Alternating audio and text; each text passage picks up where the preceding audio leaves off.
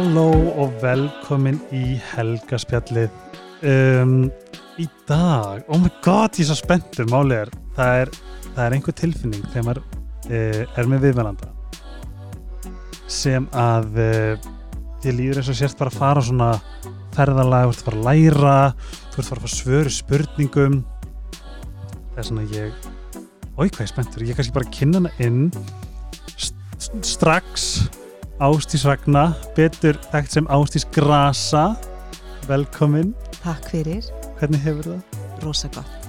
Ég er að pælja bara, veistu, ég er að pælja bara að taka þið með mér í auðlýsingarnar það er skemmtilega, Hljóma vel. en það er kannski líka því að þú getur kannski hérna snert, uh, snert smá á ein, bara okkar indislega vini, Ice Herbs sem eru svona aðalega að gera hérna þau eru að auðlýsa núna eða svona setja áherslu á turmerik og rauðrófur erum við ekki sammálum að þetta sé bara ofurfæða, Bara allan daginn. Klárlega. bara meðal Já. en turmeriki á að draga úr bólgum og er það sem ég er búin að skoða núna með turmeriki því að nú er líka fann að drekka turmerik rosa mikill turmerik perri en það er eitthvað svona því ég er að spá í sko, ég er svolítið mikið að fara búin að spá í hérna maga magaflórunni og þarmaflórunni og sko er ekki þú veist bólgur í maga, getur það verið eitthvað? Já, þú veist, það er náttúrulega, jú, jú, fólk getur með magabólgur. Já, nei, það er svolítið harkalegt. Já, ég en fengi svo leiðis. Já, það er aðeins meira. Já, það er hella. En turmir ekki á að vera algjört, eða er algjört undra, und, algjör undra rót Mhm. og í því er til dæmis pipar og fjallagrös, Flott blanda. er það ekki? Mhm. Og rauðrófurnar, það er líka ofurfæða og það sem er spennandi við það er sko, ég er búin að taka þetta fyrir æfingar Já, akkurat. og hlaup Já. og fyrst þegar mér- hafa sagt þetta þá hugsaði ég, er ekki betra að fara bara einhverja rótsterka, einhverja svona kemiska pre-workout og bara let's go en það var ótrúlega hvað það virkaði Mhm. Ertu tími rauðrófur? Ég bara, þú veist, það, er eiginlega eitt af mínum uppáhalds innhaldsefnum, það? bara ráefnum. Ég bara, mér er það náttúrulega bara í öllu formi, æðislar. Vá, Það eru bara svo flottar á litin, þú veist, að gera Mhm. matinn svo fallegan, þú veist, Já. það er eitthvað svona pínu töfrandi við þar. einmitt og svo bara eru það náttúrulega bara eins og við vitum, þar hafa fu- fullt fullt á heilsufæsluðum áhrifum, þannig að þú veist það er eiga bara að vera hluti af okkar fæðu og hvort sem það er í intöku eða í gegnum matinn Einmitt. Og svo er það slípi. Slípi ef þið eru að leita af nýri dínu, ef þið eru að íhuga dínu, ef þið eru að þreytta dínun ykkar, það mæli með að fara bara upp í vest.is til þess að prófa hana, því að þetta er svona meira, þetta svona próf er uh, ekki söguríkar en þið veitir hvað við. En að í rúm á slípi dínu og fá þessa tilfinningu, bara, oh my god, hvað þetta er fucking nice, það er eitthvað annað gott. Það er svona, ég mæli með slípi, þið getur farið hann upp í vest eða bara sleepy.is og þið getur prófa hann í 120 daga af því að þau vita bara að once you go sleepy you don't go back Ástís Ragnar hvað stóttir ertu? einastóttir Einastóttir og hvaðan ertu? Hvaðan komst? ég er bara úr Keflavíkinni já, Það?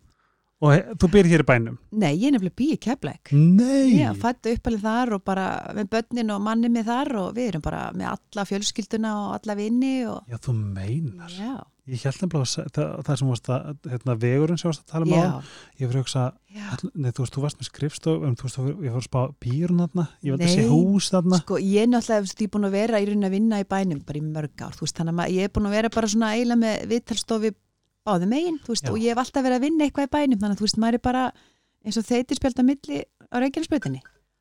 þá verð ég að spyrja þegar þú tekur, segjum að þú ert að taka heila vinnuviku, það smort í Reykjavík hvað gerur til þess að eiga um, ánægulega ferð til Reykjavíkur, ertu með eitthvað rítjúal, hvað hlustar á Þú veist, ég er yfirlt alltaf að hlusta podcast á leiðin heim.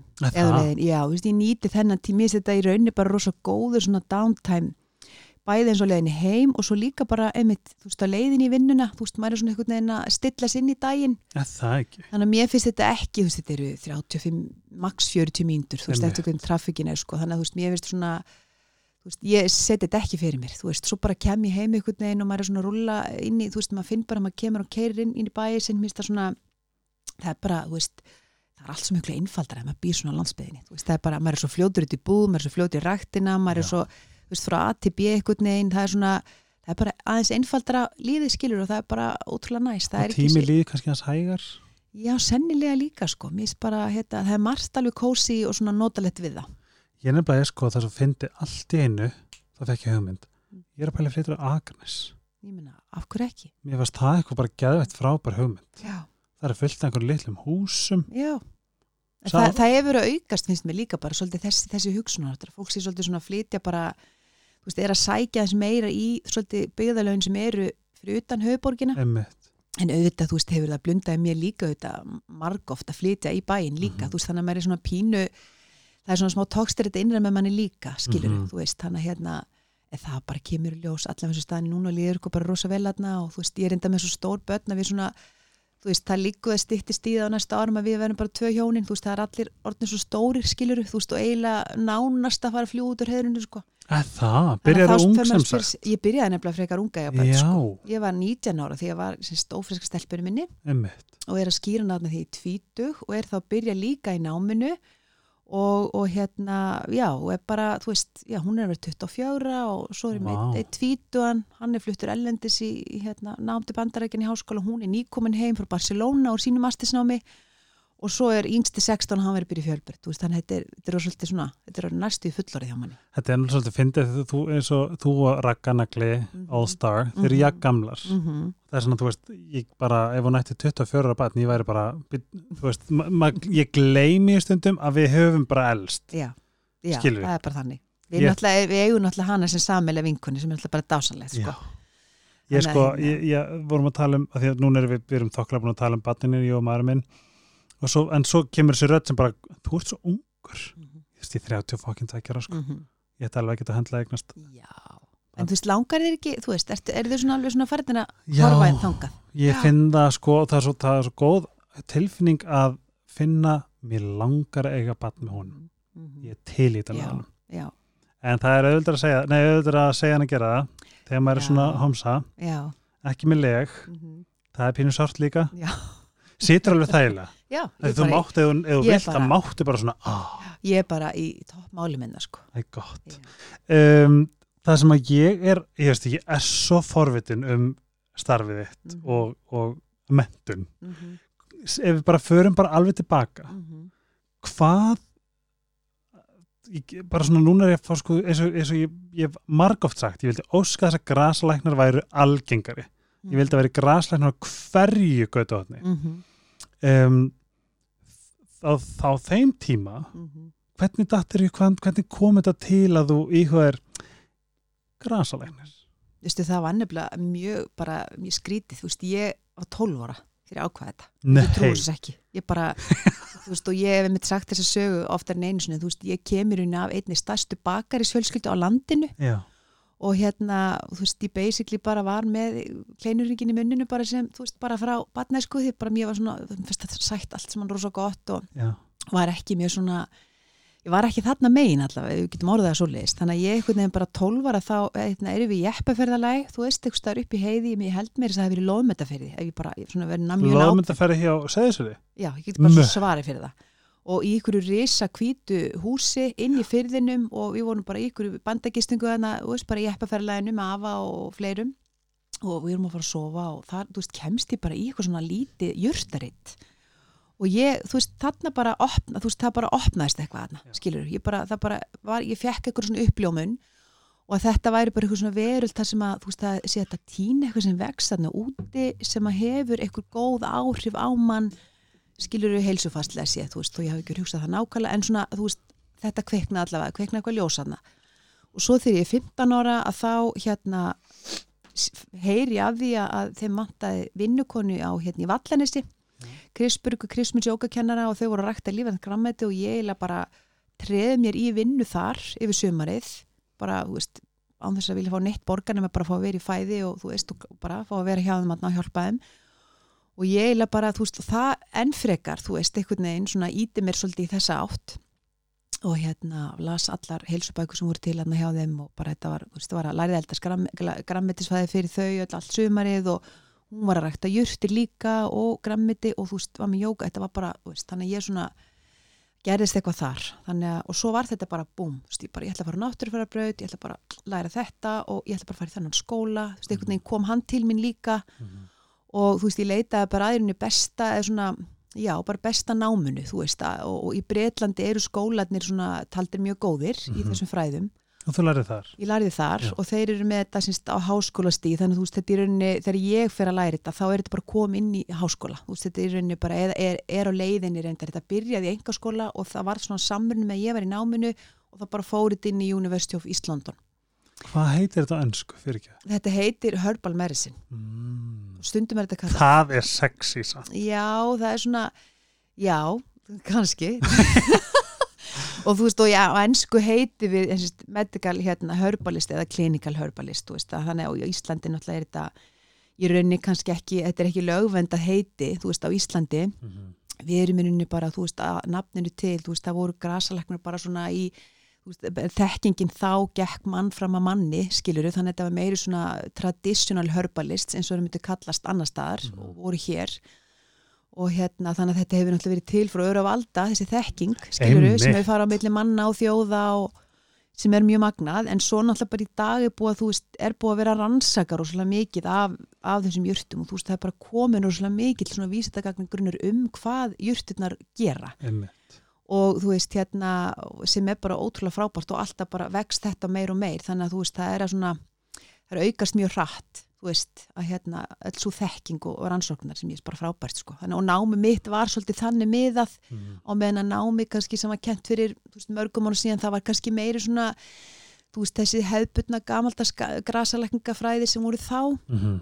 þannig að hérna já þannig að við, við þetta var bara mjög strempi nám sko þetta var bara veistu hvað ég er að hugsa? Mm, að því að þú ert búin að segja mér frá hvernig þetta varð til mm, eða hvernig þú varst til hérna, að þessu leiti ég er með sko það er stjörnuspengur sem Jara Mm. sem hefur oft komið og er bara algjör, mhm, algjörst álstaf fólk. Mhm. elskar hlusta hana. Og hún á svona svipa það sem hún bara vissi einhvern veginn viss hún. Og mér finnst svo geðveitt gaman að hugsa til þess að hún hefur verið að gera þetta áður. Mhm. það var bara koma aftur og koma aftur. Og ég fær bara svona, þú hlýtur að hafa verið einhver söðurkórisk seðkona þú veist. Alveg ég, ég, ég, líka alveg svolítið pínu svona, ég, ég tengi alveg þess að segja, sko, ég held að sé að við erum alveg búin að öruglega eitthvað fyrir líf og allt það, sko, þannig að hérna, og ég var einmitt talandi jöri, ég var með inn á námskeiði mitt í Nei, fjóra mánuði. Og, og efi vinkuninni líka, við vorum á námskeiði sem heit Beyond Addiction ekki var það úti á Spáni Nei, það Nei. var hérna heima, það var bara svakalega flott námskeið, þannig ég svona þekki hans til hennar, bara Já. það er báða náttúrulega indislegar og einmitt Jara flott í þessu sem hún er í, sko en hérna, það, já, það geti alveg vel verið að það væri kannski eitthvað svo leiðist, þú veist en, er, en ég held að það sé svona, það er rosalega gott að finna að maður bara svona bara svona hell yes, skilja, Já. þetta er bara veist, þetta er bara sem ég langar að gera Mhm. en, en svo eftir námi þá hérna þú veist, og þetta, alveg, þetta var rosalega mikið svona, svona, svona þessi hugssjón bara að, þú veist, að, að geta haft góð áhrif með þú veist, að nota þetta í rauninni sem meðal þú veist, þessi nota þetta sem lifi bara ótrúlega magnað, sko, þú veist, að geta farið út og týnt einhverja plöntur og það er hafa og búið til tehandi einhverjum og þú veist, og það hefur heilsufastlega áhrif, eða eins og ég var komið með þetta og er búin að vera með í mörg ár, þú veist, þá maður bara að setja þú veist, maður er bara með jurtirnar í dufti og svo býr maður bara setur þær, pressar þær í hilki og maður er bara komið, þú veist, bara jurtalíf í krukku bara og tekur þetta svona þrísar á dag og þetta er bara trúlega gaman að geta svona gert einstaklingsmiðar jurtablöndur fyrir fólk út frá bara hvað það er statt með hilsufæri sitt, sko. Þannig að þetta er, þetta er magnað stöf, sko, Ég er með svona 3008 spurningar.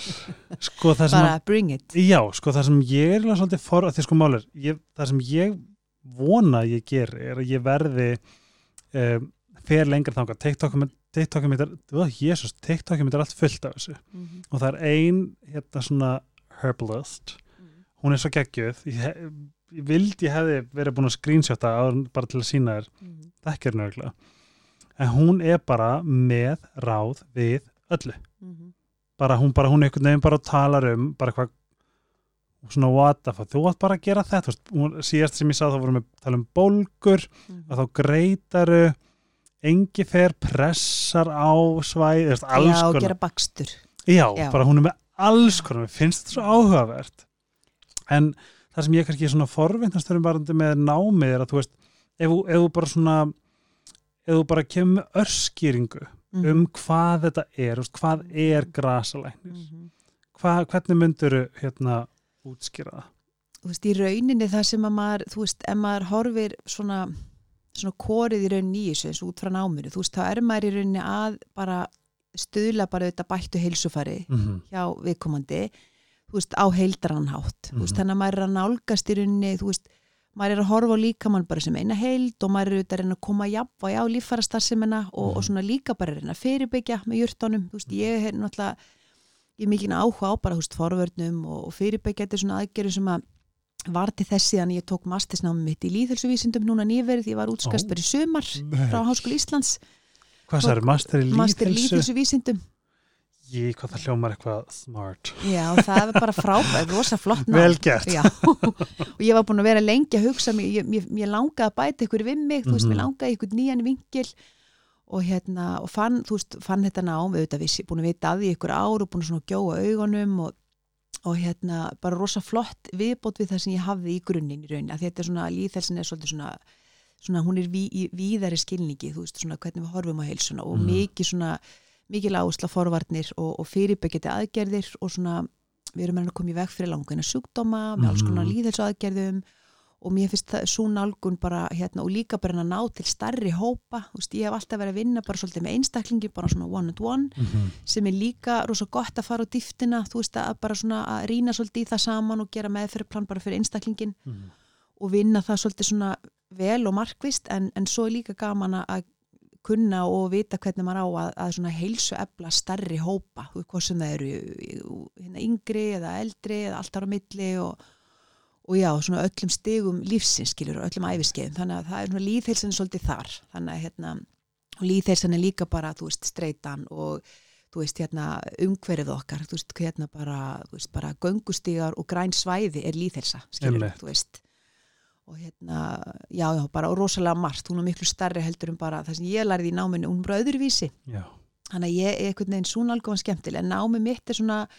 þú veist, það var náttúrulega rosa mikið, þú veist, líffar og lífeylisfræði og þú veist, við tókum alveg af, ég var í fimm ár, þú veist, af þessum fimm árum þá var ég tvö ár til þessi lífjafræði, bara hefðbyttalífjafræði og jurtalífjafræði Mhm. og framlegsla á jurtalífjum, auðvitað þurfum við að kunna búa til, þú veist, bæði náttúrulega bara jurtalíf til inntöku þau Mhm. geta verið í vökva eða dufti eða pillum eða einmitt þess að þú útvortis á húð, þú veist, við læriðum náttúrulega bara að búa til krem og smysli, stíla í laugöngu og endaþarma Og langar Og ekki bara að vera, það, og er ekki, er ekki framtíðin ekki að það bara, bara ástís grasabúðin. Ég Bara- náttúrulega ætlaði mér apótekið. alveg, oft ætlaði mér að gera það sko Já. og ég var á sín tíma komin alveg með bara heila línu sko sem ég ætlaði að setja á lakirnar sko fyrir mörgum ár síðan en ég var bara, ég fann það síðan þegar, veist, þegar leið á og það var bara of snemt, þú veist, markaðurinn hefði ekki verið tilbúin í það þá sko en Mm. núna náttúrulega er svolítið önnur staða Það er einhver svona upprisa í þessu. veist, það er orðið meiri meðvitund ég er Mhm. sammála, það er orðið svona meiri meðvitund um, þú veist, við erum svona fann að sækja meira held ég bara í upprunan og svona auðlindirnar okkar og svona, Mhm. þú veist, við eigum náttúrulega bara og við á Íslandi, við erum náttúrulega bara náttúrun okkar og þú veist, þetta er bara, við erum ótrúlega rík af rosalega mörgum auðlindum eins og bara við vitum og hérna og júrstirnar eru þar á meðal og ég held að það er rosalega margt, er líka óplæður akur þar, það er svona margt sem við erum ekki byrjuð að nota Einmitt, eins og sjávarmosa. Já, heyrðu, bara nákvæmlega og ég hef oft, þú veist, ég menna bara svo reyndiramósi skiluru sem er til dæmis bara í rauninu á leiðin út í bláalán skiluru og bara, þú veist, hvítimósin harðið, þú veist hvernig hann er mhm. og hérna, þú veist, og bara flétturnar og þú veist, og það bara allt þetta við eigum, það er rosalega margt sem á eftir að rannsaka meira sem á eftir að koma í ljós sem við munum nýta okkur og, náttúrulega, þú veist, við hefum bara rosalega flotta flóru, skilur, byrnarötin okkar er svakalega flott, vallumallin okkar er einhverstaðar heyrði ég það að hann væri með, þú veist, inniheldi meiri, meira virk, virkum efnum heldur um vallumallin einhverstaðar annar staðar Hvað er það? Völlum all. Vallumall er bara rosa vinsæl eða svona fræg, svona hvað ég segja, svona common jurt, algeng jurt Og hvað heitir þetta sér og nefn? Vallhumall hefur, þú Ég heyri bara, bara völlumill. Vallhumall. Ég ætla að enginn viti hvað er. ég, Helgi, ég bara, þú veist, þú hlýtur að búið helli sko. Veitu hvað, hvað er þetta? þetta er bara rosalega algeng lækingurt Ah, en en hún er kannski, ég veit ekki mér, finnst þið allir að vita hvað jurt þetta er. Ég, bara, ég heyri bara skemmtileg hljóð. Bara, guð, hvað? Vallhumall. hún er bara, hún er bara frábær skilur, heiti. Jarrá á ennsku og hérna, þú veist, í Evrópu mjög vinsæl og með svona algeng, þannig að hún er hérna rosa mikið nótið í te og svona og hérna þú veist, en hún er með, þú veist, hún, á Íslandi þurfa jurtirnar að verjast, þær eru í rauninni þú veist, þær búa við svo har, harbil hvað segja, skilir þið, þú veist, við Mhm. erum bara meiri kuldi og það er bara meira rók og, og svona, og svo er sól allt sumarið, þú veist, það er bjart allt sumarið og svo, þetta er bara þetta allt annað heldur en á, á hinu löndunum, sem hlýtur að gera það eitthvað svona aðeins meira juicy. Já, það gerir það nefnilega, þraut segja. það er nákvæmlega, þær þurfa í rauninni að standast þessi erfiðu skilir og þær þurfa þá að búa til meiri varnarefni bara til þess að verja sig fyrir umhverjunni og það eru þessi plöntuefni, þessi varnarefni sem að við síðan fáum sem styrkjandi heilsælbrandi efni Heim, sko, þetta er það sem að ég er bara svolítið farin að sjá. Og líka því sérstaklega bara hvað veist, bara frá avatar líka við sko Mhm. Þú veist þetta hlýtur að, við, þú veist, það hlýtur að vera þú veist, ástæði fyrir öllu og þú veist það er útrúlega magnað að hér er heimurinn okkar með öllum einmitt öðlindum sem ávæntilega vera til staðar fyrir okkur ef eitthvað kemur upp á eða eitthvað svoleiðis og mér finnst það bara að vera svo áhugavert og mér finnst líka sko ég pínu svona sveppakall Mhm. elska, þú veist vorum að hérna, vorum að skoða að flytja inn merki sem er með svona dropa Mhm. Um, það var sérst Reishi, Chaka, Shiitake og Lion's Mane. Já. og nú til dæmis rosalega mikið verið að tala um Lion's Mane já, fyrir heilan og ADHD og alls, alls konar svona. Og ég er svona bara ég, bara, finnst það bara ég get ekki sagt það hvað mér finnst það áhugavert. Mhm.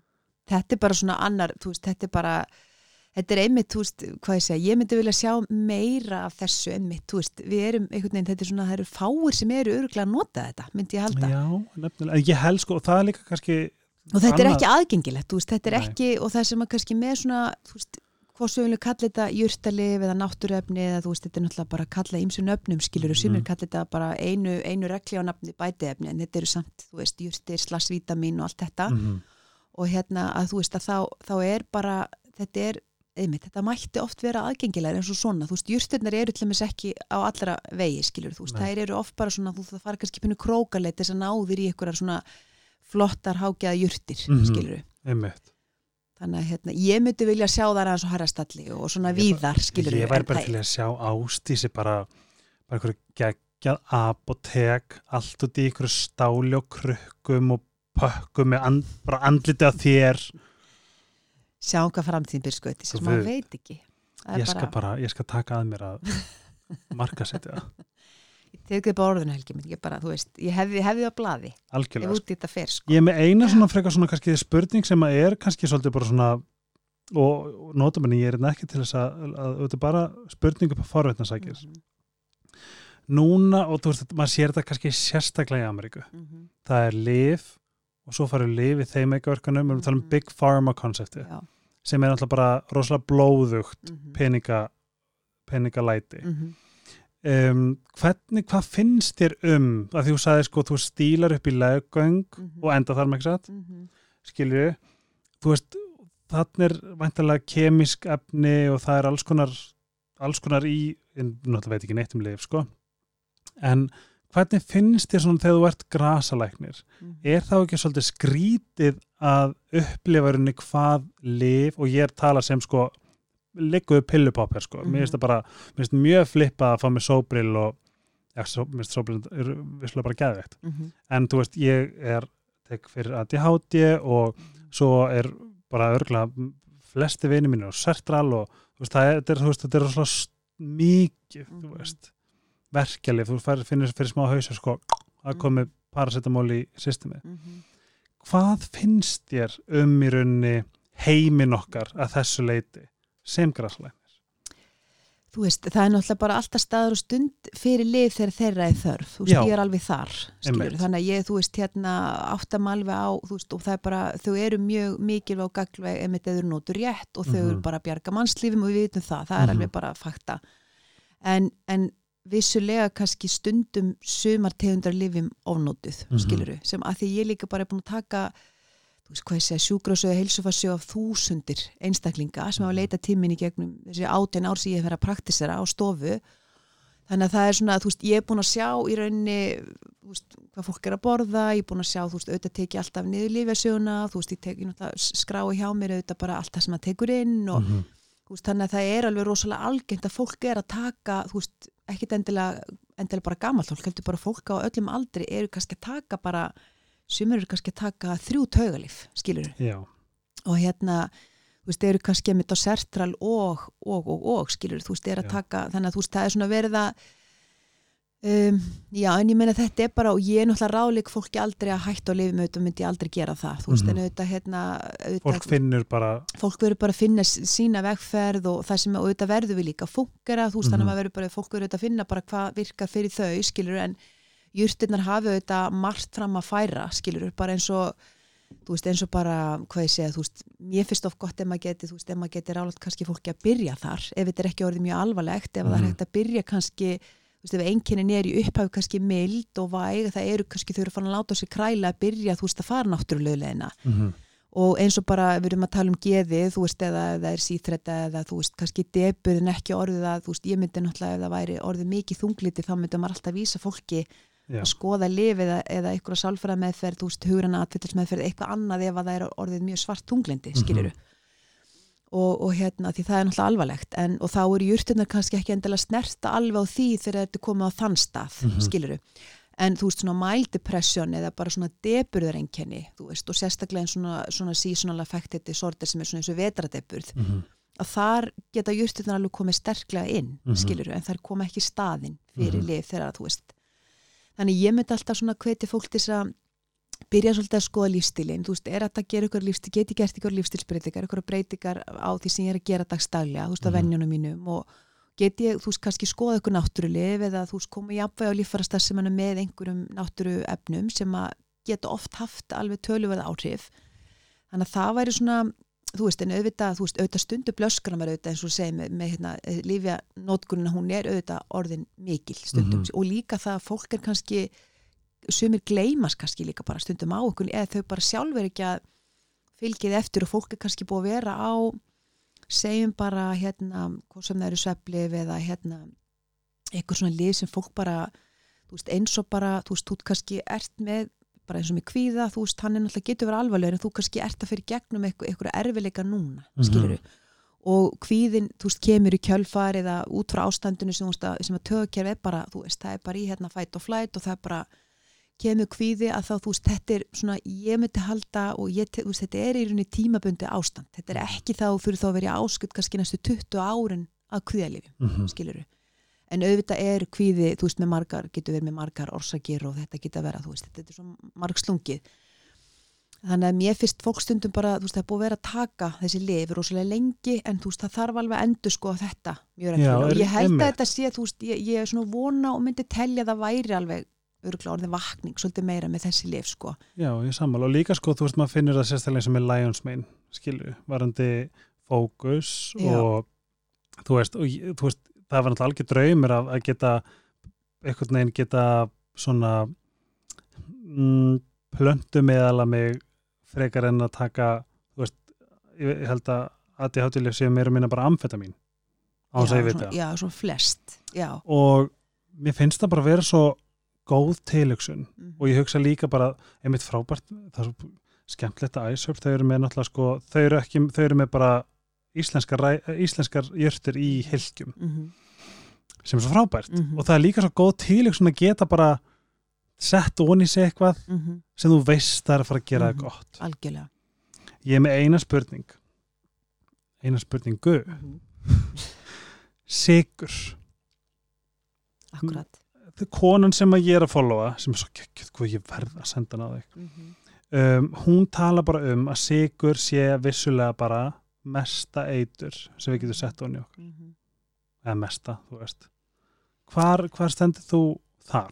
þú veist, ég, ég, sko í dag þú veist, það hefur orðið rosa mikil hugafarsbreyting hjá mér með allt svona í dag þú veist, Mhm. í rauninni, svona þegar ég var að stíga mín fyrstu skref fyrir veist, 25 árum síðan þegar maður var svona að byrja í heilsunni, sko, hérna áður fyrr að þá var þetta allt bara einmitt eitur, skilur, Já, þetta var bara, þú veist, þetta var bara rosalega, bara, þú veist, það bara kveiti og þetta og hitt og sigur og þú veist, í dag er þetta bara, þú veist, ég held að þessi, þú veist, reglur við, við, svona, svona, við, við rakka vinkona okkar, við höfum einmitt, þú veist, við erum svona, hún er líka svolítið þannig þengjandi í þetta, þú veist, að það virkar ekki þegar, þegar allt er bannað. Einmitt, og allt er, þú veist, þetta er bara svona, að kalla eitthvað eitur og þetta er bara allslæmt, þú veist svona allt eða ekkert stemmingin Einmitt. og hugafærið í næringu er bara ekki að mínu skapi í dag þú veist, það er svo langt síðan að ég einhvern veginn svona lendi bara að báðum fótum og svona, þú veist, í rauninni þessi gullni meðalvegur er bara, þú veist hann er, hann er bara bestur, skilur og í rauninni, þú veist, sigur er klárlega ekki góður fyrir okkur, Mhm. skilur og einmitt, hann er klárlega ekki góður í miklu magni. Mm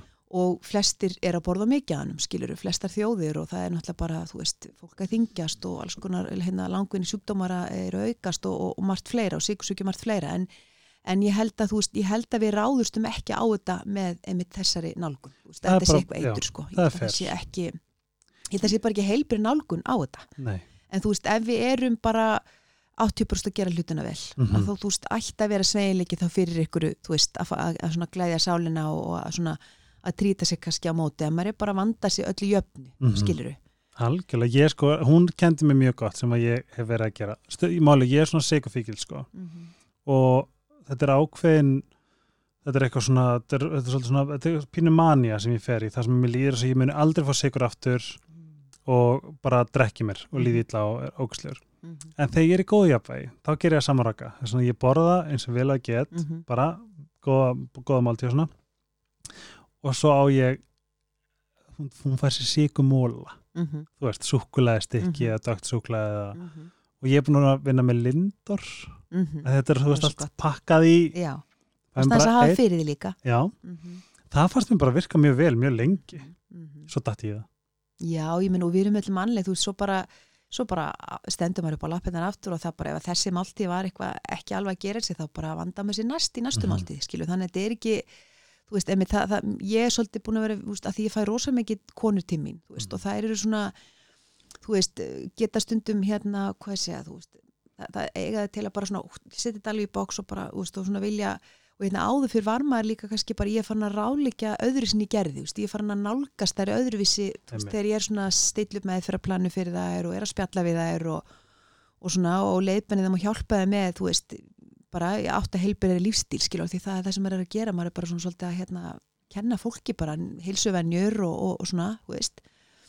Meira svona, ég, ég fann að taka meira mjúka fyrir en á þetta, en samt, þú veist, sem leiði bara af sér bara góðan árangur og, og ávinning og, og og þær komast á betri stað með heilsufæri sitt og svona, þannig að ég held að það þurfi ekki þessa, þú veist, svona bara emmitt, bara svona svart og hvít, sko að hlutinni gerast á gráðsvæðinu Já, og sko, að því að ég sé, ég finn að því að sko, ég hjartalega sammála öllu sem hún segir. Og ég sé það núna vinkona mín á TikTok og náttúrulega svolítið, þú veist, það er, það er ekkert emmitt og ég held líka bara að þetta, þessi, þetta, þessi tilfinning skömm mm það er svona verið að gera í því að, að planta henni í okkur. Já, hvað við erum að borða, hvað við erum að gera Já. hvernig við erum að hreyja okkur eða ekki hreyja okkur eða hreyja okkur á mikið eða á lítið þú veist, Mhm. þetta er svolítið alls þar og, og þú veist, konur eflaust finnast, finnast sérstaklega fyrir þessu og vissulega kall með líka en ég er nýbúin að horfa Barbie, þú veist, let's go. Já, ég var að horfa á trailer og ég svona, já, maður minni vorum að horfa á trailer bara um helgin og við erum svona, eigum, og svo bara, nei, veist þið bara Ástýr, þú verð Ég get ekki horta veistu, ég lofa, Nei, það ég getur var vel verið að þetta sé ykkur rosa flottu bóskap ég bara svona, trailerin talaði ekki til mér sko. ekki mín heldur og ég var bara, hvað Þetta var of, ég hugsaði bara, þetta er alltaf mikið af ykkur, ég veit ekki hver. Já, mér fannst það vera pínu svona fyrst þess að svona elfmyndir mástu Will Já, Farrell sem er visslega skemmtileg. Já, en svona pínu steipa já, ég hugsaði það líka. Þetta Já, kannski gefinni sens Sko, já, ég lofa, ég hugsaði sko að þetta er bara einn mikilvægsta kveikmynd í heiminum. Mhm. Þetta er meira, þetta er ekki að því, þar finnst mér að gera þetta svo vel, þetta er ekki skömm það er svona verið að, bara svona sína Mhm. bara, svona, svona hefur þetta verið Mhm. fyrir konur. Þetta er Já, það er örgulega bara, örgulega góð skil ég, bara, veist, ég hef ekki kynnt mér og ég ég horfði bara trailerin og það var bara veginn, hann, hann, kannski, hann segir ekki nóg mikið, nei, nei, nei, nei, nei, ég er sammála. sko, að hún sé að, veist, að hún sé að deliver ykkur ég er sammála, ég er bara, það hann heitlaði mig ekki. Nei, já. En já, mér finnst einhvern veginn svona veist, er, en auðvitað hafa allir veist, gott að því að, veist, ef að sigurinn er farin að þvælast fyrir fólki í lífinu, Mhm. auðvitað bara hafa allir gott, eða ef þú tóna ofnota eitthvað og það er fyrir að gera þér ógang, skilur það er fyrir að skada heilsufarið þitt og hafa áhrif á líðan og svona, þá klárlega gott að kannski að reyna bara að taka það út í eitthvað tíma og, og, og svona og reyna um, læra umgangast að þannig að það bara, það- er bara, þetta meðal hóf, skilur það er bara einhvern veginn svona en sumir þurfa að taka þetta skjúti fjóra vikur eða fjóra sex vikur eða hvað það er, skilur bara þetta er svona aðeins að resetta núlstilla kerfi og það getur alveg verið öllum gott sem eru kannski komin á þann stað. Hvað sem það er Pepsi Max eða Sigur eða eitthvað annað en, en það þarf ekki að vera þannig að sé bannað út lífi það er bara að læra að umgangast það rétt sko. Af því ég, ég elska dögt súkulega ég bara, ég, er bara, ég mun aldrei hætta því í lífinu, aldrei sko. Og hérna og ég er alltaf með dögt súkulega í töskunum minni bara ef ég skildi lenda, já ég ég myndi lenda kannski út í kanti með sprungi dekk, ég er þá alltaf með dögt súkulega ef allt rítur veist bara, það verður lífið betra skilur, nei, ég Ég enda í þetta gríni sama sko, þú veist, súklaði sem slíkt er náttúrulega ríkt af andóksnefnum og já, já, já, þú veist, allavega hreina Já, já, já, þú veist, og ég bara vel, þú veist, bara gott gæða, dögt súkulega, 70 Mhm. til 80% eitthvað svona lífrænt, rosa fínt skilur sem ég bara, auðvitað smá sigur í, en það er bara alltaf læg, smá Já, rásigur það er til eða frá er ekkit, en maður er svona. Öllu jöfn að standa sig ágætla og, vanda sig, skilur, ég fæðu veli, sko. Hefur þú prófað svona Guatemala hreint? ég er sko, ef við getum sagt, ég er getum, já, kakó dagdrykkjukona, við getum eiginlega alveg sagt það svo leis. Ég er náttúrulega ein, mín besta æskuvinkona, hún er sem sagt að flytingkakó og Er það nokkuð hún hérna Kamila? Kamila, já, dóttir mín heitir mér þessi höfuð á henni. Og hérna, dóttir mín heitir Kamila Birta og höfuð á tveimur bestu æskuvinkon mínu. Og Kamila heiti Kamila Kakó. Hún heitir bara Kamila Kakó eins og við þekkjum og, hérna, og margir, þannig að hún er náttúrulega bara algjör dásemt og hérna og ég auðvitað læri bara og kynnist kakóinu gegnum hana og er bara búin að vera að drekka kakó í mörg ár. Hvernig gerur kakóið? Þú veist, ég yfirleitt þú veist, er að hérna setja bara svona tvær matskjar þú veist, í heitt vatn, set mjög oft kollagen út í það, þú veist, Mhm. smá kakó nei, hérna smá kanil um, stundum kókos svona hérna páter eða svona Mm. kókosduft Já. og hérna eða MCT-olju eða eitthvað svona kókosolju eitthvað smá fytu og hérna, já, og svo bara þú veist, stundum hefur verið setja makkaduft eða stundum hefur verið setja ræsi í sveppin eða veist, eitthvað svona, eitthvað jurtir úti þú veist, fyrir eftir hvernig stuðir, stundum bara engi fyrir duft þú veist, þannig að hérna, já, oft eitthvað svona jurtablöndur sem stundum skell út í þetta sko. Þannig að þetta verður alveg svona þú veist, og stundu flóa ég líka bara smá hérna, möndluð haframjölk úti sko, til þess að hafa þetta ekstra krími og gott sko. Að sko, Þannig ég hef setið þetta í blandana bara í heitt vatn og bara, þú veist, þetta verður mjög svona kremkendur og svona saðsamur drikkur, skilur, þannig að og ég finn alveg þetta svona, mér líður allavega rosa vel að þessu. Og, þetta er, er, er bara nú eina sem ég hef kynnt mér er að þú veist, þetta er, þetta er, flokkað allavega sumir sem plöntu meðal. Og er þetta ekki rétt, þetta er stútfyllt á andóksnefnum það opnar hjartað Já, þú veist, æðarnar eða hvernig? Já, þú veist, í rauninni, ég horfi kannski meira á þetta bara sem svona, svona, einmitt, svona, út frá efnafræðinni, skilur þau, svo bara með kakoböninni, skilur þá, veist, ég ætla ekkert að fara kannski að útskýra hvað það gerir svona andlega sem Nei. er ekki kannski mitt að svona segja frá, Kamila myndi kannski útskýra það betur bara, og hún hefur gert það auðvitað, er hún það mjög vel. heim Nei, hún býr í Berlín en þá. ok, ég þarf bara að fá hana Hún kemur endar í oktober og verður í mánuð. Eh, Ég bara mæli með og tjekkir á henni. já, Já. hún er búin að vera á lista svo lengi Já, sko. al, bara allan daginn. Og, hérna, og ég er náttúrulega búin að fara í margar kakóseramónjur eða svona kakónýtra huglistlur. Hún var með kakóseramónjur hérna áður sem Mhm. voru alveg í fjóra klukkutíma. Þá drakk maður svolítið stóran, þú veist, þá var þetta alveg 40 grama kakóbolli sem hún drekkur fyrir aðtöfnuna Mhm. og þú veist, það er það, það er einhver veljiðan og eitthvað sem maður finnur af, af því að drekka þetta sko. þannig að þetta er svona ég get eiginlega ekki alveg líst í, það er bara Nei. einhver veljiðan sem verður líkamannu sko. mér finnst það að vera svona seroton booster og svo finnst mér þetta, að því ég er ekkert svona góður í að huglega, mér finnst það Mhm. erfitt mér finnst þetta hjálpa mér að ná þessum kjarna að ná Já. að svona kjarna mig niður og actually geta bara setið í Já, mér finnst þetta einhvern veginn skerpa fókusinn, þú Mhm. veist, en líka svona, svona sefandi. Þannig að þetta er bæði sefandi án þess að róa mann, en Mhm. svona skerpir, Er veist, á vitrannu, svona Já. leveli. er hún enda með, hérna, fyrir ekki ég er alltaf að, að babla yfir þig Mhm. hérna um, það mun örgulega gerast aftur og ég Ég byrst mun, nei, sko, afsökunar ég mun alveg öruglega gera það líka, bara, veist, ég á það alveg til, það er alveg minn veikilegur, sko. Já, mér líka. Hérna, er hún enda með búðina? Var hún ekki með, hún var með verslun, það sem hún selur kakóið. Já, er hún- það enda já, starfandi? hún er í rauninni bara að selja inn í sko, hún er að, hvað er hún með þetta? Hún er með þetta í ljósemum, hún er með þetta í hérna, Já, hún, hún er, emmi, já, hún er með þetta í sýstarsamleginu, já, hún er bara með Mm. þetta svona hér og þar. Meiri þess að hún var með þetta, hún var með þetta í heilsúsinu, Já. þannig að þú getur bara keift þetta svona ágrum útsölustöðum, hún er ekki sjálf með, en hún er náttúrulega selja mest á kakó.is, það er þetta þetta. Kakó.is, það er það sem er flestir að, já, og þú Já. færi þetta bara sama dag, bara fyrir klukka fimm og pantar þetta, þú veist, færi þetta með dropp, þannig að það er geggju þjónusta, sko.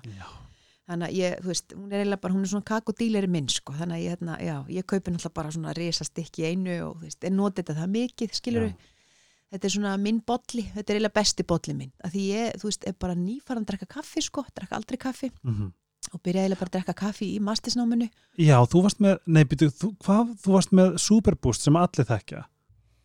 Er þið ekki pottjætt búin að ná í netto appið?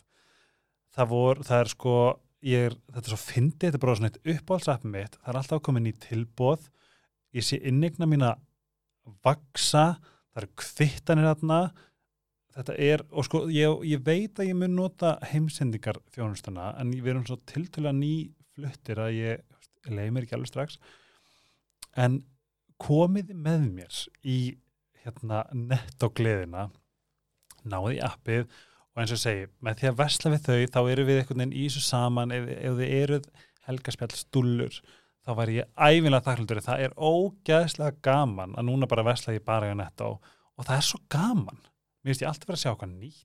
Það er allt til, ég er svona, ég er svona þræði búin og veit nákvæmlega hvað ég er að fara að kaupa. Það er svona, gerir mig þann greiða og náið í appið. En sít og kér það er að koma nýjungar. Ég veit ekki eins og hvort ég megi segja þetta.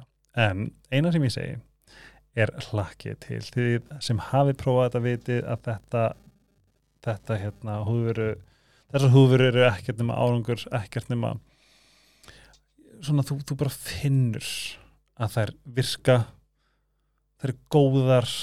Ef við erum að prófa bodysgrúpi það er gjörsamlega störla en áður en nýjum að koma þá uh, mæli ég með bara að halda ykkur við sérum við, feiskum við handábyrju núna með hérna kólandi veðri. En uh, sítakjör.is og með afslakonum helgarspjallið fáið 20% af þessuna nýtið þetta eins og þið getið kollagir, hvað heit hann? Já, þú veist, það var svona kakka og það er svolítið þessi bolli, Já. hann hefur alveg verið svolítið vinsett, súurskrift. Var það ekki kaffi, kaffibótt? Ég hef alveg stundum, svo bara replacear fólk ofta og nota kaffi í grunninn, sko, Mm. þannig að ég hef líka alveg svona, Það er einhver drikkur sem er bara ástís Já. grasa drikkur já, ég hef alveg, það er rúglega rocket fuel, hérna, drikkurinn, sko, hann er kaffi í grunninn, sko, og það er svona, þú veist, það er svona þessi útgóð sem þú ert að lýsa, sko. Já. En hérna, já, ég er bara nýbyrju, nýbyrju bara að drekka, þú veist, 40 og eitthvað ára og gömul, skilur, fó- fór að, þú veist, þegar maður er í mastisnám að gera mastisíkjal og rannsókn og þá hvernig bara, þú veist, þá dugði grænættið ekki alveg lengur til, sko, þú veist, ég, ég bara, bara eins með eitthvað meira, en þú veist, ég drekka einhvern eitt bolla til tvo dag, einhverju góðu gæða kaffi, skilur, og, og en þetta er samt alltaf besti bollin minn, sko, sem er þá kakobollin, er sko. Það mótnana? Já. Stundu, stundun þetta setnipartin, stundu fyrst mér í svona fá, maður fæ stundu svona gott pick me up setnipartin af kakobóllanum Já. eitthvað svona heitt, súðing svona, veist, það er eitthvað svona mjúkt við hann, skilur Mér langar svo að spyrja út í taugakerfið. mm. Ég sko, ég komi með eitthvað rosalega áhuga taugakerfinu mm -hmm. og ég trækt þar af hver, ég, sko, ég er búin að alltaf vera með það, eða svona þannig, mér finnst það mjög áhugavert. En ég sá mynd og ég veit ekki hvort það er alveg ekki. Þú Veist, who knows, fake news, I don't know. En þá var verið að sína taugakerfið án líkamanns, bara kerfið. mm. var mynd af heila og svo voru það bara svona svo trérætur Já. niður það er, er get, make, get make það sens já, já, náttúrulega bara taugakerfið er náttúrulega bara út um allt skilur Mhm. og það er svona innörverar þú veist, það- öll líffærin okkar og það er bara, þú veist, allt kerfið Mhm. Þannig að, og þetta er mjög merkilegt líffærakerfi í rauninni, sko og Mhm. ég myndi segja svona, þú veist bara hjá flest öllum sem koma til mín, þú veist, þá þarf ég mjög ofta að fara inn á tögakerfið með jurtunum þú veist, eða einhver Hvernig? náttúrefnum þú veist, þannig að ég bara oftar en ekki þarf ég að gera það þú veist, Mhm. mér er þess að tökum bara þessi dæmi kona sem að, þú veist, segjum bara bara svona gott dæmi þú veist, mann til dæmis sérstaklega eftir einu tilfelli og þau hafa komið mörg eftir það, kona sem kom inn með rosa mikið hitakóf og hérna var hann í Já, hún var, hún var svona mörgur með að byrja breytingarskeiðinu Mhm. og við byrjaði með svona hitakóð, það var svona fyrsta einkenni og hérna, og sem er náttúrulega mjög algengt en, en hérna, og hún og ég, þú veist, ég tók af henni sjúkrasjóna og bara eða heilsofasjóna og við fórum löpum svona þessi gegnum það og ég átti að máði að þú veist, þetta væri bara vindurleikjandi langvarandi mikil streyta sem væri að, hérna, einmitt að, þú veist, ángrana eða hrjáana, skilur Þannig ég hugsaði bara okkur, ég ætla bara aðeins að býða með að setja hann á svona estrogenískar jurtir, þú veist svona jurtir sem hafa áhrif hormonakerfi og ég ætla bara að dempa þess niður streitu við bara hjá henni og bara farin á nýrnahettunar skilur, bara inn á bara, þú veist. Já, sem eru ótrúlega magnað, þú veist, þetta eru svona, þetta eru svona li, lítið líffæri sem er svona, þetta bara liggur hún á nýrónum þetta er svona, þú veist, þetta er náttúrulega, þetta er tengist innkýrlakerfinu eða hormonakerfinu, þú veist, og þetta eru þetta líffæri sem er í, er, er í fight or flight, þú veist, eru hérna, eru náttúrulega bara að framlega, þú veist, kortisólið og allt þetta, sko. Þannig að, þú veist, ég fór bara ná nýrnettunar hjá henni og tögakerfið og svona róað aðeins, sett hana bara á pínu, svona róand og sefandi blöndu en, þú veist, tögastyrkjandi í rauninni. Og svona, Ok, þú veist, svona að- þess að að hjálpa streytukerfinu, þannig að og kofin, þú veist þau, þau bara fóru, ég þurfti ekki að gefa henni í rauninni, ég þurfti ekki að styðja við hormonakerfi hjá henni, af því þetta var það sem þurfti til skiluru, það var bara kortisóli og hátt og mikil streyta þannig að við þurfum að dempa þannig og nú vitum við alveg í dag, þetta er reynda mörgur sem tíminn í þessu kona en þú veist, í dag er það alveg vita og það er alveg, þú veist mikið, þú veist, talandi um breytingarski þá er rosa mikið, konur vita orðið í dag alveg, þú veist, að streyta, þú veist það er bara bein tenging á milli þess að hitt og kofin eru meiri, skilur en það var ekkert kannski verið að ræða það þá, skilur Mm. og hún tengdi það ekkert og hún, hún var alltaf hissa og var einmitt hérna og reynda frænka mín og hjúkunarfræðingur sko og hérna og, og hún, ég man að hún var svo hissa þú veist að hún fór að spyrja hvað var í lýsari blöndu, svo hún gast mér, ég skil bara ekki ég bara, ég fann svo mikið mun og bara, þú veist, þetta bara hafði svo mikið áhrif og, og hérna, og ég fór að útskýra fyrir henni hvað áhrif justinnar höfðu. Þú veist, og ég sagði, ég setti þið ekki einu svona á hormonablöndu. Þú veist, ég setti þið bara á blöndu fyrir tögakerfi sko, þú þannig að það var svolítið svona það var svona skaman að sjá það svona, svona skýrt sko, og svo auðvitað hef ég bara ég, þetta er bara það sem ég þarf að gera mjög oft sko. Ég verð að spyrja, þú segir blöndu og nú er ég barnablaði að sjá allt myndrænt er þetta, þú veist, hvað, hvað hvernig tekum maður þetta inn? Er þetta, er þetta hilkjum? einmitt, sko í dag hennilega, einmitt, kannski ágætt að koma inn að bara, náttúrulega, þú veist, COVID kom eins og Já, það kom, jú. og svo fyrir ég í háskólanám hérna á þessum tíma líka að byrja bara akkur þarna rétt þegar COVID er að byrja í mastisnáminu að þá, þú veist, í öll þessi ár það hef ég alltaf verið með svona á ennsku, kallast, kallum við þetta bara herbal dispensary, það er bara þú veist, það er maður í rauninni bara með svona það er bara með ykkur 100-150 jurtir sem eru bara mín lif, skilur Mhm. og það sem maður er auðvitað bara að blanda jurtalifin fyrir hvern og einn og svo, þú veist, var ég þetta í hilki þannig að ég var í rauninni bara að panta þú veist, lífrana jurtir frá heilsölum í Bretlandi, þú veist, bara hérna hágjaða jurtir og svo bara býr maður til blöndu fyrir hvern og einn, skilur Mm -hmm. og eins og þarna, hún, þarna var nú bara hræra þú veist, bara duftið út í heitt vatn og drekka svo te, en svo náttúrulega flesti vilja fá þetta í hilki, skilur mm en sumi vilja finna bara jurtabragðið og fá þetta svolítið svona alveg í korið og bara svona alveg -hmm. authentic, þú veist. Og hérna, þannig að þú veist, fólk var í mér sundu var ég náttúrulega líka með svona í vökvaformi og, og, og svona ímislegt, en allavega þá hérna, og ég var með, þú veist, hérna hóstasíróp og ímislegt fleira og eirnólju fyrir börn og Var hóstasýrupið, var það hvítlegur og haun? nei, það var lakris og timjan Ok. það var eitthvað, ég var að horfa eitthvað á TikTok, það var þess að að láta hunangi gerjast í hvítlaug nei, hvítlaugin í hunanginu hvítlaugin í Já, en það er alveg rétt og það er þess að það gera bara meira þess að það er náttúrulega, síkladreipandi efni í laug og hvítlaug skilur þannig að hérna, en í dag, við myndum langa að segja þér að, þú veist, í dag að þá, svona, ég setti síðan bara svona, þú veist, jurta lifin aðeins á pásu, þú veist, að þið verður náttúrulega mikið búin að tala um þau, þú veist, ég er að nota þau, ég er að svona, nota þetta aðeins öðruvísi núna, þannig ég er svona, er ennþá svona, reyna bara, þú veist, áttamáði hvort ég er aftur að fara í það að vera með jurtalifin, þú veist, en, en ég er núna í rauninni bara að nota, þú veist, ég er bara að læna upp svona preskripsjoni fyrir hérna, bæti efna slags náttúrulifja plani fyrir fólk, en þú veist, með alls konar jurtaekstraktum, en frá bara sem eru bara tilbúna blöndur, við.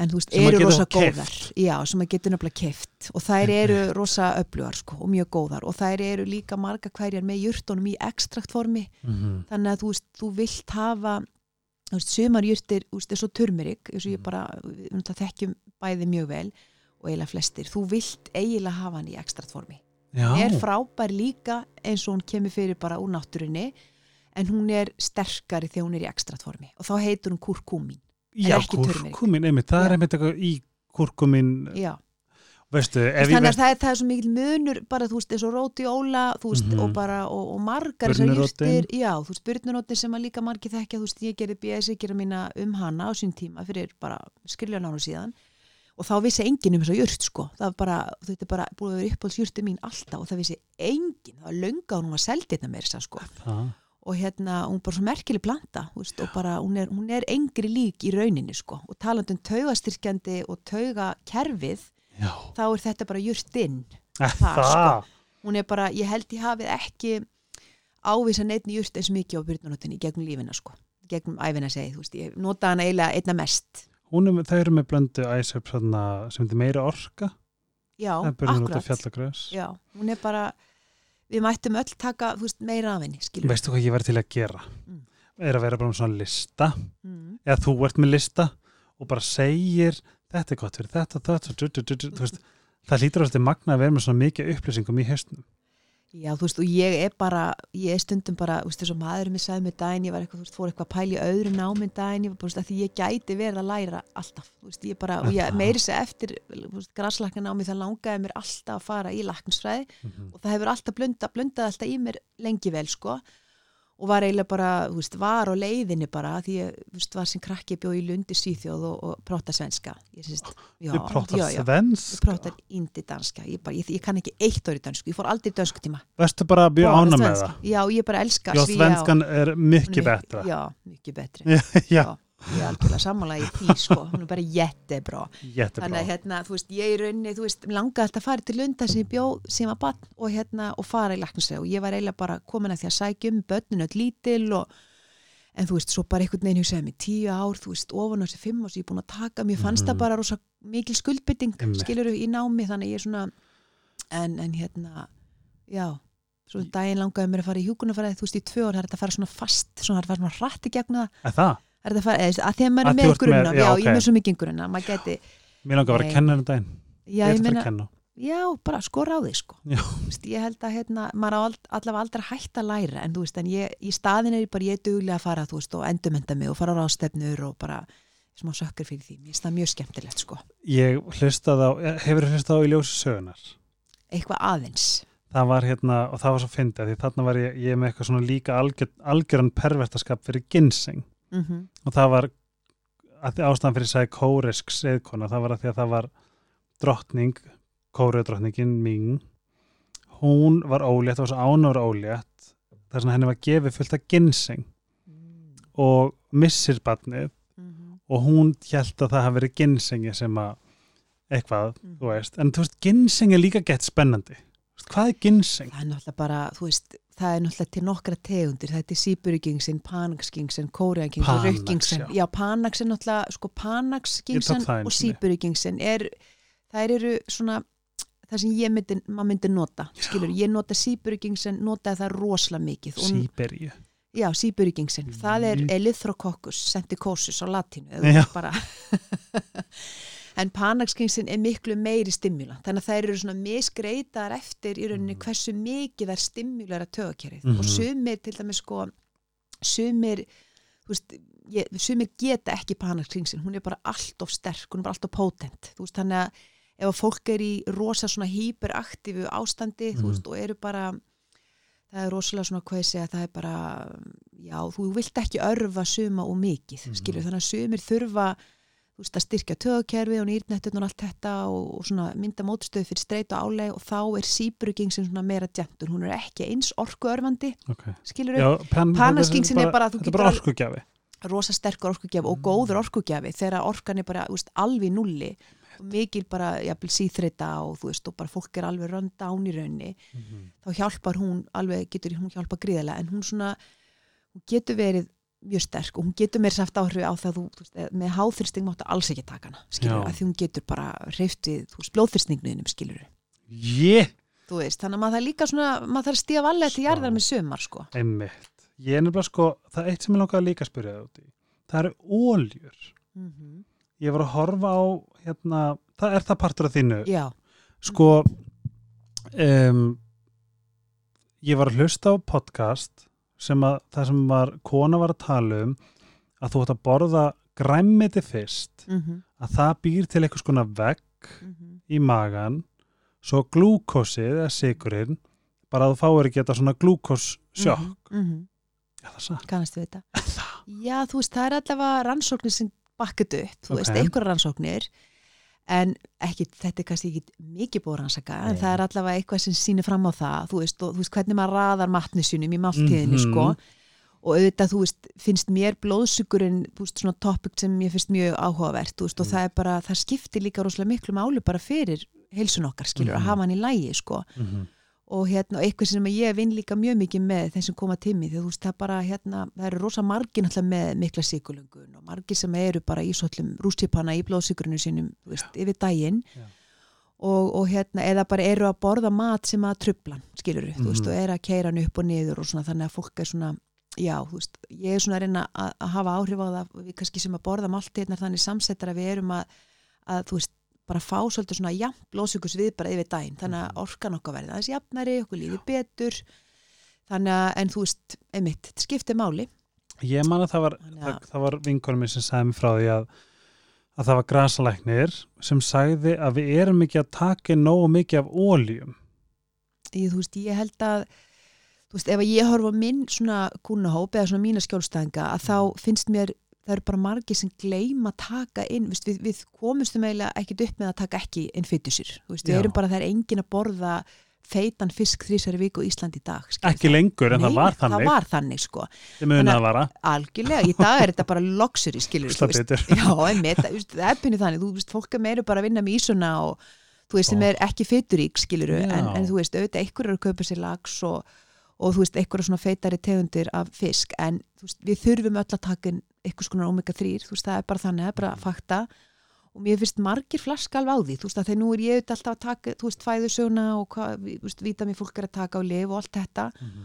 og þú veist, mjög margir bara, þú veist, er ekki að taka neitt omega og hafa bara ekki gert í 10-15 ár skilur Einmitt. þannig að við þurfum, og líka ekki eins og í fæðinu, þú veist, er ekki að drösla ólífólíinni, þú veist þess að svona, þú veist, bara svona þess að fullkomna máltíðina bara þar maður aðeins að setja smá fytt út á hana eða hafa eitthvað fyttugjafi þess að svona, það gefur líka ákveðinu svona fyllingu, skilur Og líka smá svona, eins og salat, það er bara þurrt. Já. Svo setur ólífólið, þá er alltaf svona löðrandi, Já. gott eitthvað. Já, og það gefur eitthvað svona, mm, eitthvað svona fíling Mm. og það er líka bara næringalega séð, skilur Þannig að gefur settu við bráð og, og næringu og þú smýr leiðina húðina og við bara þurfum þetta fyrir alla frumur, sko. Þannig að ég er alveg sammálar, ég held við mættum alveg svona aðeins gera meira af því. Mhm. En óljur er náttúrulega líka bara, þú veist, þannig að ég, ég vinn svolítið með það að auka intökun á því þegar þess, þess sko. Þarf, já.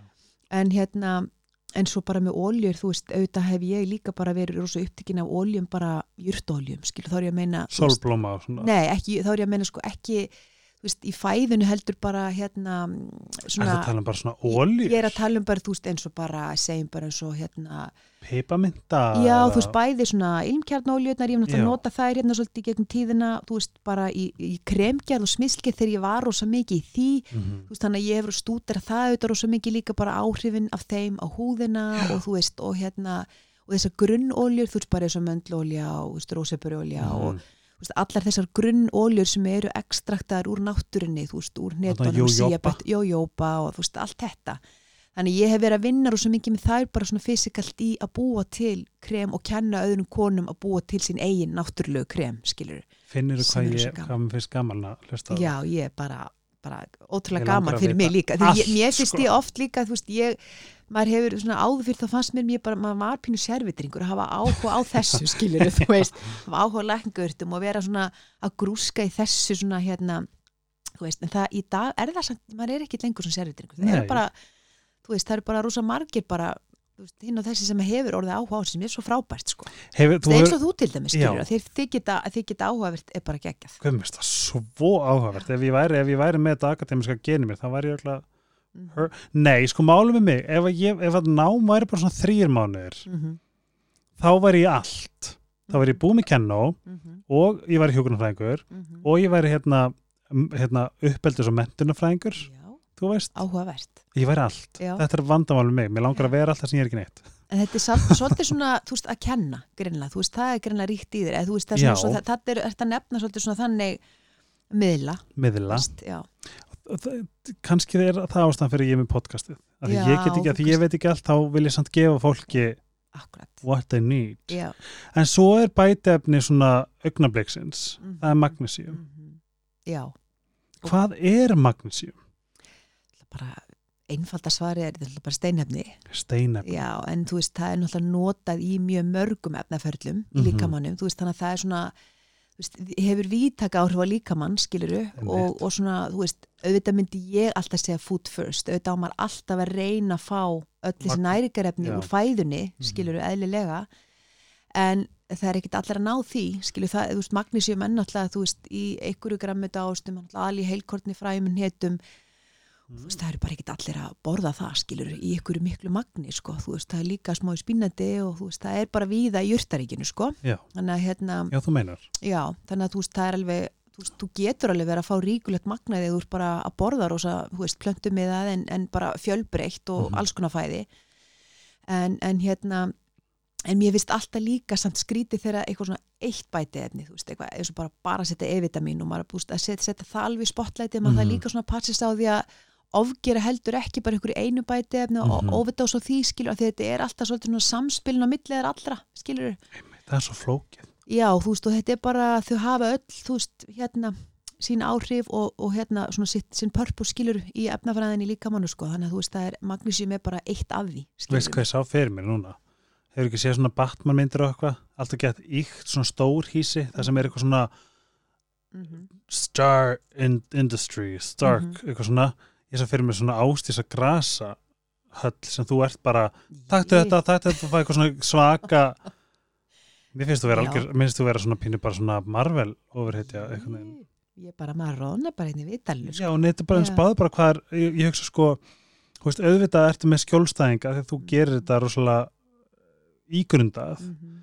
en þú veist, hvað væri næst að geta snappa fingri og fólk bara veit hvað þú að taka og kemur hérna Ástis Industries og býr bara til blöndu og það er bara, allir eru bara svona Já, maður hefur allavega, þú veist, góð hugmynda ekki. maður hefur, jú, þetta er eiginlega ekki hugmynd, sko. Ég er svona að reyna að sjá þetta fyrir mig líka myndrætt, sko. Já, En hérna, jú, jú, maður, þú veist, maður hefur klárlega, þú veist, látið gott sér leiða í þessi átján, þú veist, en næstu tæplega tveir áratí sem maður er búin að vinna með, þú veist, fólki svona one and one, þú veist, Já. og það er svona, og það er það sem er, þú veist, maður, svona eins og við erum búin að sletta svolítið hérna, þú veist, svona, það mestir í vordinga eða við starfið mitt í rauninni, þú veist, er að hjálpa. maður er bara, já, maður er bara, þú veist, og ég maður hefur fengið það svo margvælt tilbaka, eins og svona getur líka verið, þú veist, að vinna svona djúpt með einstakling getur líka verið, ég ætla ekki að segja svona draining, heldur bara það getur tekið á Mhm. stundum þegar það eru kannski erfi case eða, og hérna, og kannski fló, flókin, þú veist, hérna, flóknu sjúkrasögur og, og bara, þú veist, fólk er með marga kvilla og maður það svona, maður að byrja eitthvað staðar og svona píla svolítið utan að löknum, Mm þannig að hérna þú veist að vinna með heilsufæri það, þú veist, en það er bara svo gefandi þegar maður færi það tilbaka að þú veist maður er búin að ná að þú veist, þau, þau finna mun einkennur minni, þeim líður betur -hmm. annarkot sofa betur, minni bólgur minni höfur, veist, eitthvað skilur það er bara, það er svo frábært að sjá það skilur, Mhm. þannig að það er það er mjög svona rewarding, það er bara mjög gefandi sko, Á ég að segja hvað ég lendi um daginn. maður setur eitthvað fram ykkur verkværi, þú veist, og maður svona setur eitthvað meðferðarplan og þau svona þú veist, og svo er þetta bara hjá viðkomandi að framfylgja og svo stiðum maður við þau og Já. fylgir þeim eftir og einhvern veginn að sjá það gerast sem raungerast er, er bara dásanlegt Var nefnilega eina sko, ég átti smá magnesium hérna, upplifun daginn. mm -hmm. Því þá komið mag magnesium glycate og þetta Já, einmitt, svo er þetta bara frumskó líka sem að Já, já, mjög flók og þessna, Já. þessna held ég líka kannski að þú veist, maður fær svona wú, þess að það Já. að geta bara hvað taktu börnur út og þegiðu, já, eins og bara eða iSubs, ég bara Já. tek bara allt. Já, einmitt. Og mér líður bara vel. Já, og þú veist, ég finn rosalega mikið að bætingum hér og það sem ég svona býtu, vó, býtu vanlega væri ég gespandi og gapandi og mm slefandi og -hmm. eitthvað en svo fann ég sá ég eitthvað og bara, ú, magnesiumduft en sniðut, alltaf að gera bústa Mhm. og þetta er bara eitthvað magnesium og eitthvað literature og ég bara, fuck it hérna, það er búið ég er búin að vera hérna að lesa alls konar magnesium er bara snilt Mhm. það er svona ég er ógæslega næs og býti búst fyrir mig og manni minn bara, ég er með super duper trúper hotlan búst fyrir þig. Verður að góðu, þakkaði mig setna nema hvað, að þetta var eitthvað tegund af magnesium. Mögulega oxide eða, eða, eða diarrheate já, akkurat. Að því að við endum bara að skiptast á dollunni Oh og ég hafði ekki hugmynd. Nei, þá er til eitthvað sem heitir losandi einmitt. magnesium. Það bara passar. Þess að ég byrði ykkur um bara Mm. kynni ykkur þetta örlítið. Já, góð Þetta var punktur mjög fyndið gott að koma þess að. Meina, veist, Já, meðaljónin, út í bæ, hann er ekkit endilega, þú veist, að greina þarna milli, þetta eru sko margategundir, eins og þú segir, það er bara, æ, fínt að skella þessi bústu, svo er þetta bara, þú veist, einmitt, þetta er náttúrulega, oxett er náttúrulega mjög losandi. Og það frásogast- ákveð sem ég tók? Já, Já, eða, eða sítreit, skilur Já. þú veist, það er bara, verður ykkur að því, en þú veist, en það er bara, getur verið fínt ára fyrir að sofa ef þú þarft að losa, skilur, þá er það þetta frábært, já, sko, já, og já. þú kannski, með svo sumakonur eða fólk bara fyrir útland og það bara stoppar allt. Og þá er fínt að hafa þetta í töskunni, skilur mm, En þannig að þetta getur verið gaglegt, skilur, auðvitað og, og margir með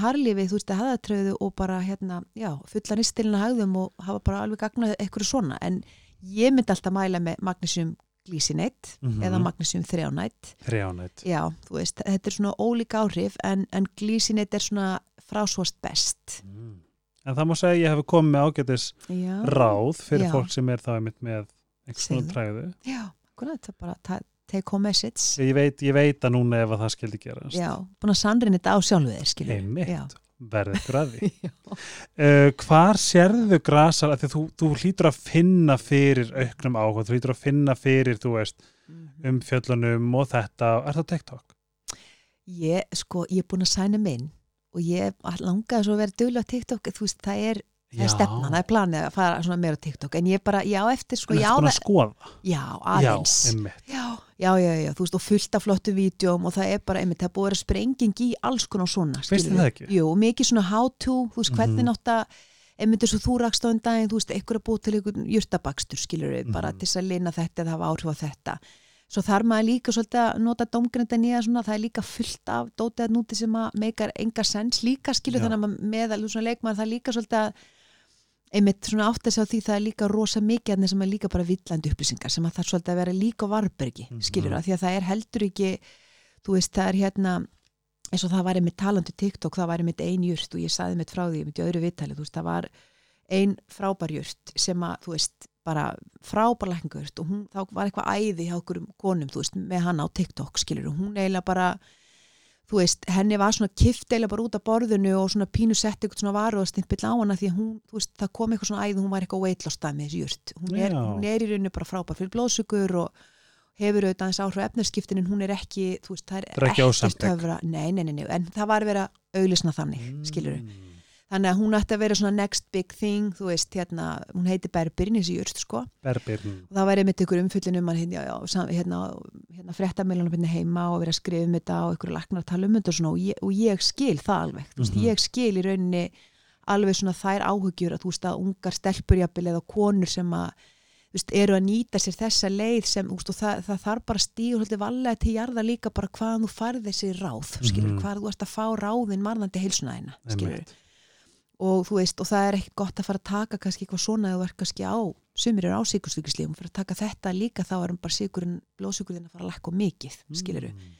bara sem dæmi þannig að þannig ertu bara koma of aukin áhrif Mhm. skiluru en hérna, en allavega þú veist þannig að hún fekk svona smá hérna já, það var svona smá skellur þú veist að þýleituna að þú veist það, það var, þetta voru, þetta var bara svona mjög óvísindilega gert og þetta var ekki alls ekki faglega gert, þú veist þannig að það, það líka að vara slíka svolítið það sem er. Þú veist, Mhm. slegi fram á TikTok hún er ekki á pari við eitthvað meðurnalif eða, þú veist, hún er ekki að hafa þannig áhrif, skilur og það er bara mjög villandi, eins og TikTok getur líka verið fræðandi fyrir í einhverjum tilfellum, skilur þá hérna, en allavega varandi þú veist það sem þú spurðir ef við komum að þessu spurninguna og þú veist að spá- spáði þú svona hvert hvernig ég sé, sæði fyrir mig græslækingarnar, þú veist, mér svona þú veist, ég auðvitað bara fagna því þú veist að það er svona meiri vakning og, og svona, þú veist, bara almenningur meiri, svona meðvitaður um gagsemi þeirra, skilur, Mhm. lækningaurtana og bara svona, einmitt eins og bara þú, skilur, bara hefur áhuga og sýnir þessu áhuga sem er bara, bara ótrúlega, hérna, gaman og, og hérna, ég myndi náttúrulega vilja bara hafa þær meira svona common, þú veist, þær væru algengari bara fyrir okkur, bara aðgengilegri sem ég saði líka áðan, þú veist, það er svona við værim svolítið að nota þær meiri, þú veist, og bara bara þetta einfalda ráð, þú veist, að, að drekka jurtati, skilur, þú veist, bara byrja þar, skilur, og jafnvel svona að gera þetta pínu skilur lengra og bara hella sér upp í jurtati, þú veist, það er Mm. bara þú veist, að eiga þetta svona moment að drekka eitthvað svona góðan jurtabotla sem er alltaf að fara að veita er eitthvað heilsueflandi efni, þú veist, bara í Mhm. hverjum einsta botla, af því það eru Einmitt. bara kannski fimm lækningaurtir í einum tebotla, í einni svona blöndu, skilur Þannig Er að það bara svona púður? Já, þú veist, það er náttúrulega að kaupa bara þessa tepóka, skilur, mm Mhm. kaupa bara lífrann, þú veist, júrtate frá Jókiti eða Póka eða Klipper eða þú veist, þessum bara merkjum sem við þekkjum og sjáum bara út í maturubóðunum Mm sem eru bara frábæra telínur, Ok, þú veist, byrja bara þar, þú veist, og bara rótera svolítið á milli og bara, þú veist, þetta með þetta í dag og þú veist, og bara svona aðeins að, þú veist, maður er alltaf að fá einhver jákvæð áhrif, skiluru.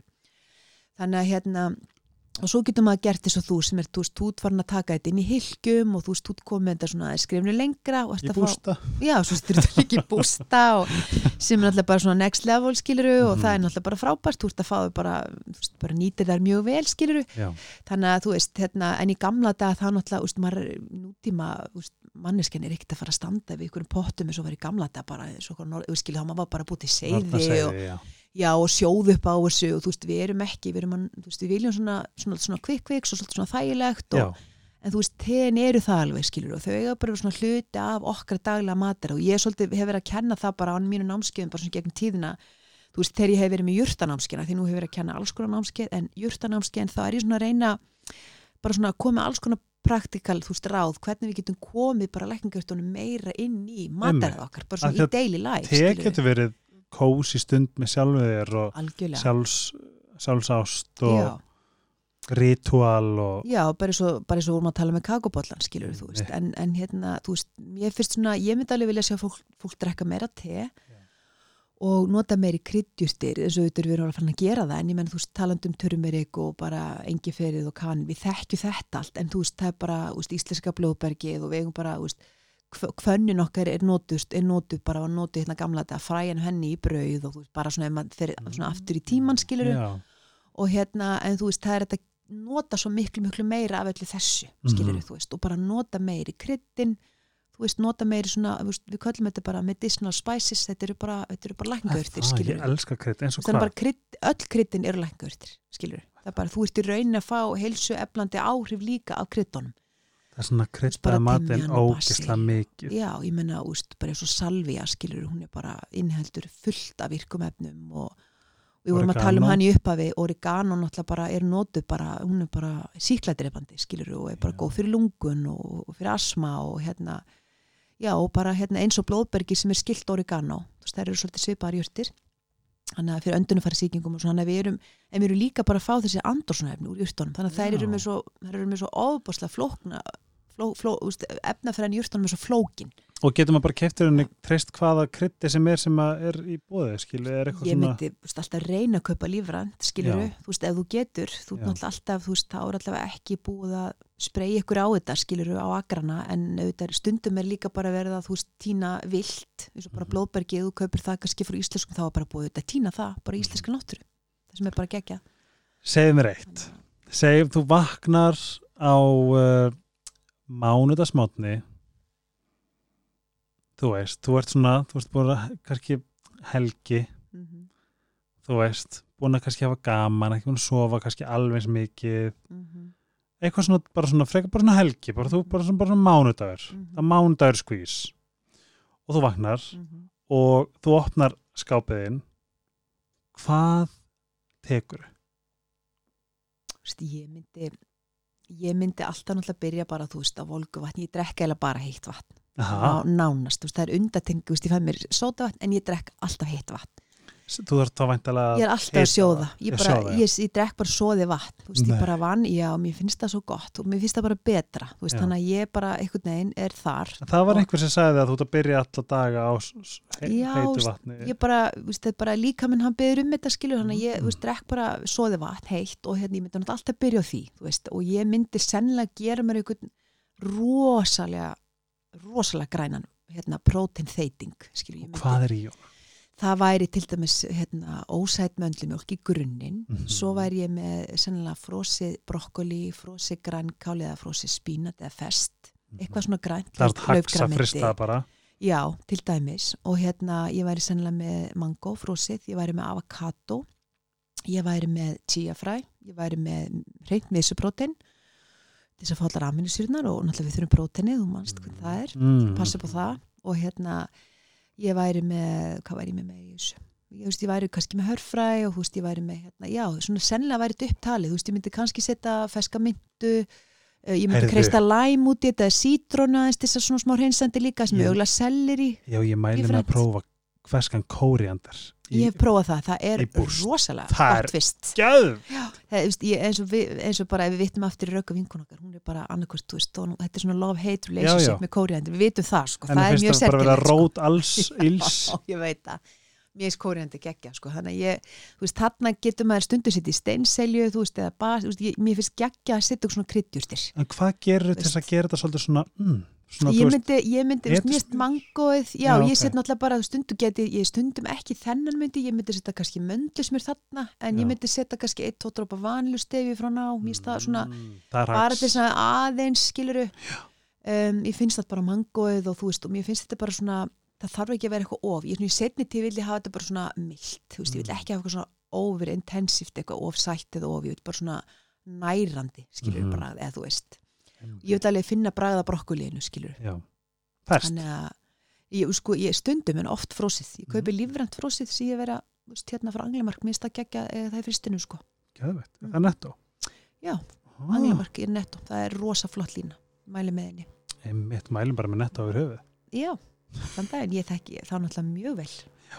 Nettó er að sponsa það, það Já, hérna, já. helgarspjalli, svona ég er þeim ævinlega þakkláttur. Já, Ok, þú tekur, og er það í rauninni svona, kannski þinn svona, já, þú veist, ég nota þú veist, þú ég, ert ekkert að tróði ginseng og, jú, þú veist, ég myndi náttúrulega alveg taka ykkur í júrti líka, þú veist, Já, ég já, myndi já. taka til dæmis nakk, þú veist, fyrir lifrina ef ég væri nú búin að kannski að fara svona að fæ mér of mikið, að þú veist, kannski freyði vinnið ykkur skilur sem það gerist ekki. Það er endar, hérna, það er bara efni sem að hjálpa lifrinni að svona afeitra sig og ég myndi sennilega taka siljumæni frá ná, þú veist, eða ykkur með ég myndi taka mjölkuþistil, skilur, það getur verið frá hverjum sem er. Þú veist, mjölkuþistil er bara frábær jurt sem ég bara mæli með. það já, mjög gott, já, mæli algjörlega með bara eiga mjölkuþistil upp í skáp, það bara getur verið gott að taka svona tarnir á því, þú veist, ég heldur okkur veitir Mm. hvað ekkert af- gerir Björg?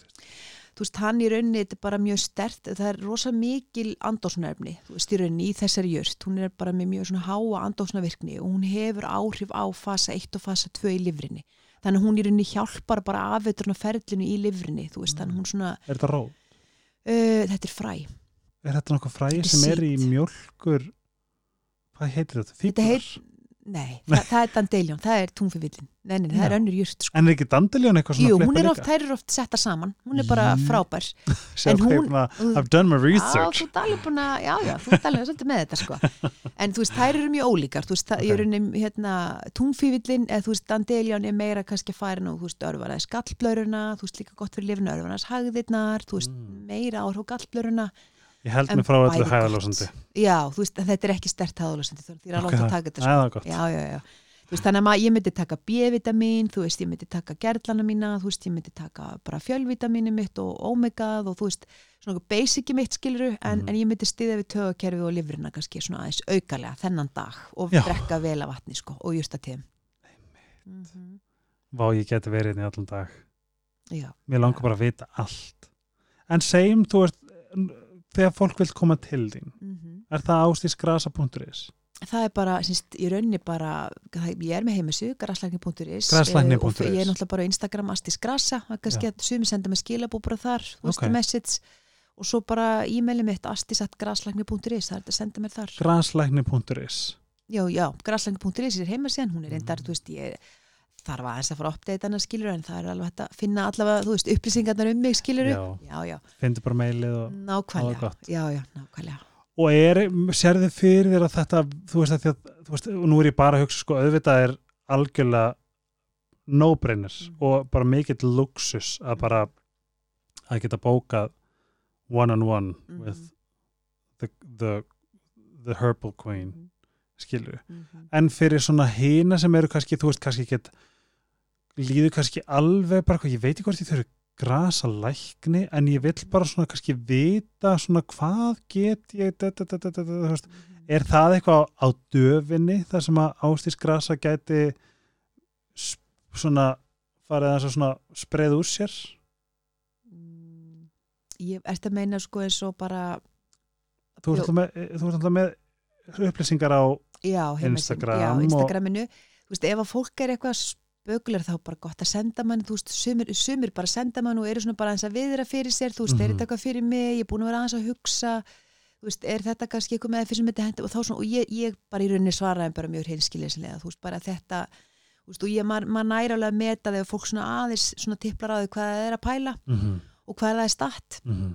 Að hérna, ég oft líka bara að vísa fólki stundum bara, þú veist, ég myndi þú veist, rálega gera að byrja þarna megin, þú veist, þú þarft að byrja og stundum vísaði þeim bara hreinlega að fara á hilsugjastluna eða til laknis eða sumir þurfa að byrja kannski að tala við sálfræðing eða, Mhm. og, og svo kannski kontur svo tíminn bara, þú veist, þú kannski byrjar þarna og kemur til mín og hinum Mm, endanum, skilur, já. þannig að að hérna, stundum er þetta þannig og stundum bara telur mig alveg geta aðstóðu skilur og þá náttúrulega bara, þú veist, bóku við tíma og þú veist, þannig að þú veist, einmitt fólk oft veit ekki, þú veist, hvaða, hvaða meðferð henda mér, þú veist, þegar það er starta á okkur stað með einkenni sín eitthvað líðan, þú veist, það veit ekki alveg, þú veist, hvaða meðferð alveg vanda mér, skilur Einmitt. þannig að hérna, þá er bara um að gera að senda og spurja og þá bara, þú veist, ég er mjög svona hérna, reynskipti með það, skilur Þú sagði nefnilega án þetta með ný, einmitt, nýrnahetta mm -hmm. að Sem er drína ekki- glans, sem eru bara mjög merkilegt einmitt sem ég bara ekki sko. hugmynd en það, það er ekki það sem ég langa að tala um ég er bara vissulega áhugaverð mm -hmm. eh, breytingaskeið Mm -hmm. núna bara veit, veist, mamma mjög erfitt og Sola Græna komingað, hún Mhm. talaði líka um sko, hún eh, tæklaði bæ, með bæti efnum e, e, spurningin er meira bara sko, er ekki bara því ég hef rosalega samkend fyrir konum Mhm. uh, sem að kannski, og sérstaklega konum fortíðarna sem þurftu bara harka sér og sögðu ekkert Einmitt. bara í einhverju bara, bara örgulega ógislega kræfjandi hérna, verkefni Mhm. er þetta ekki eitthvað sem að er verðt að skoða fyrir þessa konur þú veist, ég myndi í rauninni að því nú er ég svona bara líka fylgjandi því að konur, þú veist, eigi bara að sækja sér, þú veist, ég menna hormánu uppbóta með þeir ef að þær þurfa Mhm. skilur, bara upp á lífsgæðina því að þú veist, maður er bara, maður þarf alltaf að horfi líka bara, þú veist, bara, maður þarf að líða vel, Mhm. skilur og hérna, þú veist, og við þurfum að funka í deginum og við viljum vera þáttakundur í öllu sem er í gangi í lífin okkar og svona, þannig að maður þarf alltaf bara að vega og meta, þú veist, hvaða meðfyrir þarf ég til þess að ná þessu, skilur, og vera á þessum stað. Auðvitað myndi ég alltaf ráleika konum að byrja náttúrulegu leðinni, þú veist, og nota náttúrulef, já, Já, nota náttúrulef slags júrtalif slags bætiefni ef við bara svona setjum þetta í þessa flokka. -hmm. og þú veist, og bara sjá hvað að því að þú veist, mjög oft, nú hefur ég náttúrulega verið konur með jurtum, þú veist, þetta er bara minn hópur í rauninni, þú veist, Mhm. þetta er eiginlega minn stærsti hérna, hópur sem leita tími, það eru konur Mhm. og einmitt með hormonójabæði þannig að hérna, þú veist, ég myndi segja að það er svo mikið hægt að, þú veist, og jurtunar eiga svo mikið inni, þú veist, það er í rauninni þú veist, þær eru svo vannýtt verkfæri þarna, skilur, þú veist, þær eru bara í rauninni já, það, það er, það er svona gott að þú skildur aðeins koma inn á þetta, Mhm. að þegar ég er svona ég held að margar konur, þær kannski þær kveiki alveg og vita bara reynlega ekki eins og af því, þú veist, að að þetta er bara option sem maður heyrði, að ég ætti kannski bara að skoða þetta fyrst. Uh, skoða einmitt lífstíli minn, þú veist, með einhverju sem getur leiðbætt mér þar og auðvitað byrjar maður alltaf á þessum grunn þáttum eins og lífstílum, skilju, þegar við getum alltaf náð fullt af, að, hérna, heilsufæslu bara fullt af áhrifum þar í gegn. Já.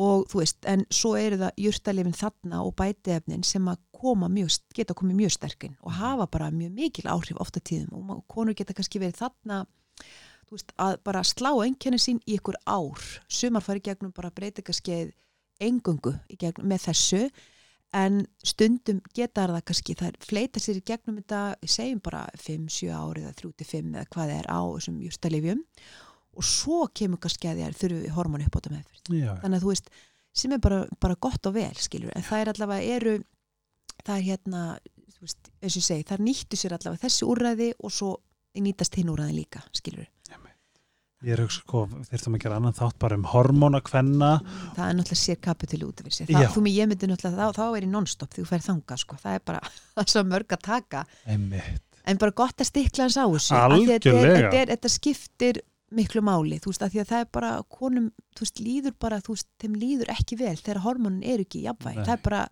þú veist, þeir eru náttúrulega bara svolítið bara hérna, þú veist, þetta er bara hérna svolítið Æ, sorry, ég veit Já, þetta er svolítið einfalt sko Já, ósakjað einfaldir. Ég veist þetta er bara pínu ósakett hvað það var, við erum náttúrulega bara upp og niður og þú veist, við vöknum þannig að daginn og svo klukka fimm erum við svona og þú veist, við getum bara verið, þú veist, við erum rosalega Einmitt. flögtandi hormónum okkar skilur út frá þessum tíðarhing og svona, þannig að það er svona og verður ennþá yktara á þessu skeiði. Og Mhm. ég, meina nú er ég, þú veist, að vera 44 bara í desember, þannig að viku fyrir jól og þú veist, ég er í mínu sömuklubu og mínu vinkvannhópum, þú veist, við erum bara meira og minna á perimenopauskaplanum eða Mhm. sumar komnar á menopauskaplan, þú veist, þannig að við erum svona veist, þetta er bara allt í kringum mig og ég er bara að sjá vinkonu mínar og okkur sjálfar þú veist, við erum bara farin að finna þetta, skilur þú veist. Það er bara, það er bara að tala um að þetta getur byrja bara á þrítusaldri já, sumarbyrja náttúrulega svona snemma. Veist, það er náttúrulega það, það er svona pre-menopause já, svona, það er svona snem, já, það er svona einmitt svona early menopause og það er náttúrulega sjálfgæft skilur að þetta færi undir 35 en 35-40 er að gerast og náttúrulega 40 yfir. Mhm. sumar segja bara vá, þegar ég var 43 þá bara er svo gerist eitthvað, þú veist, það er bara svona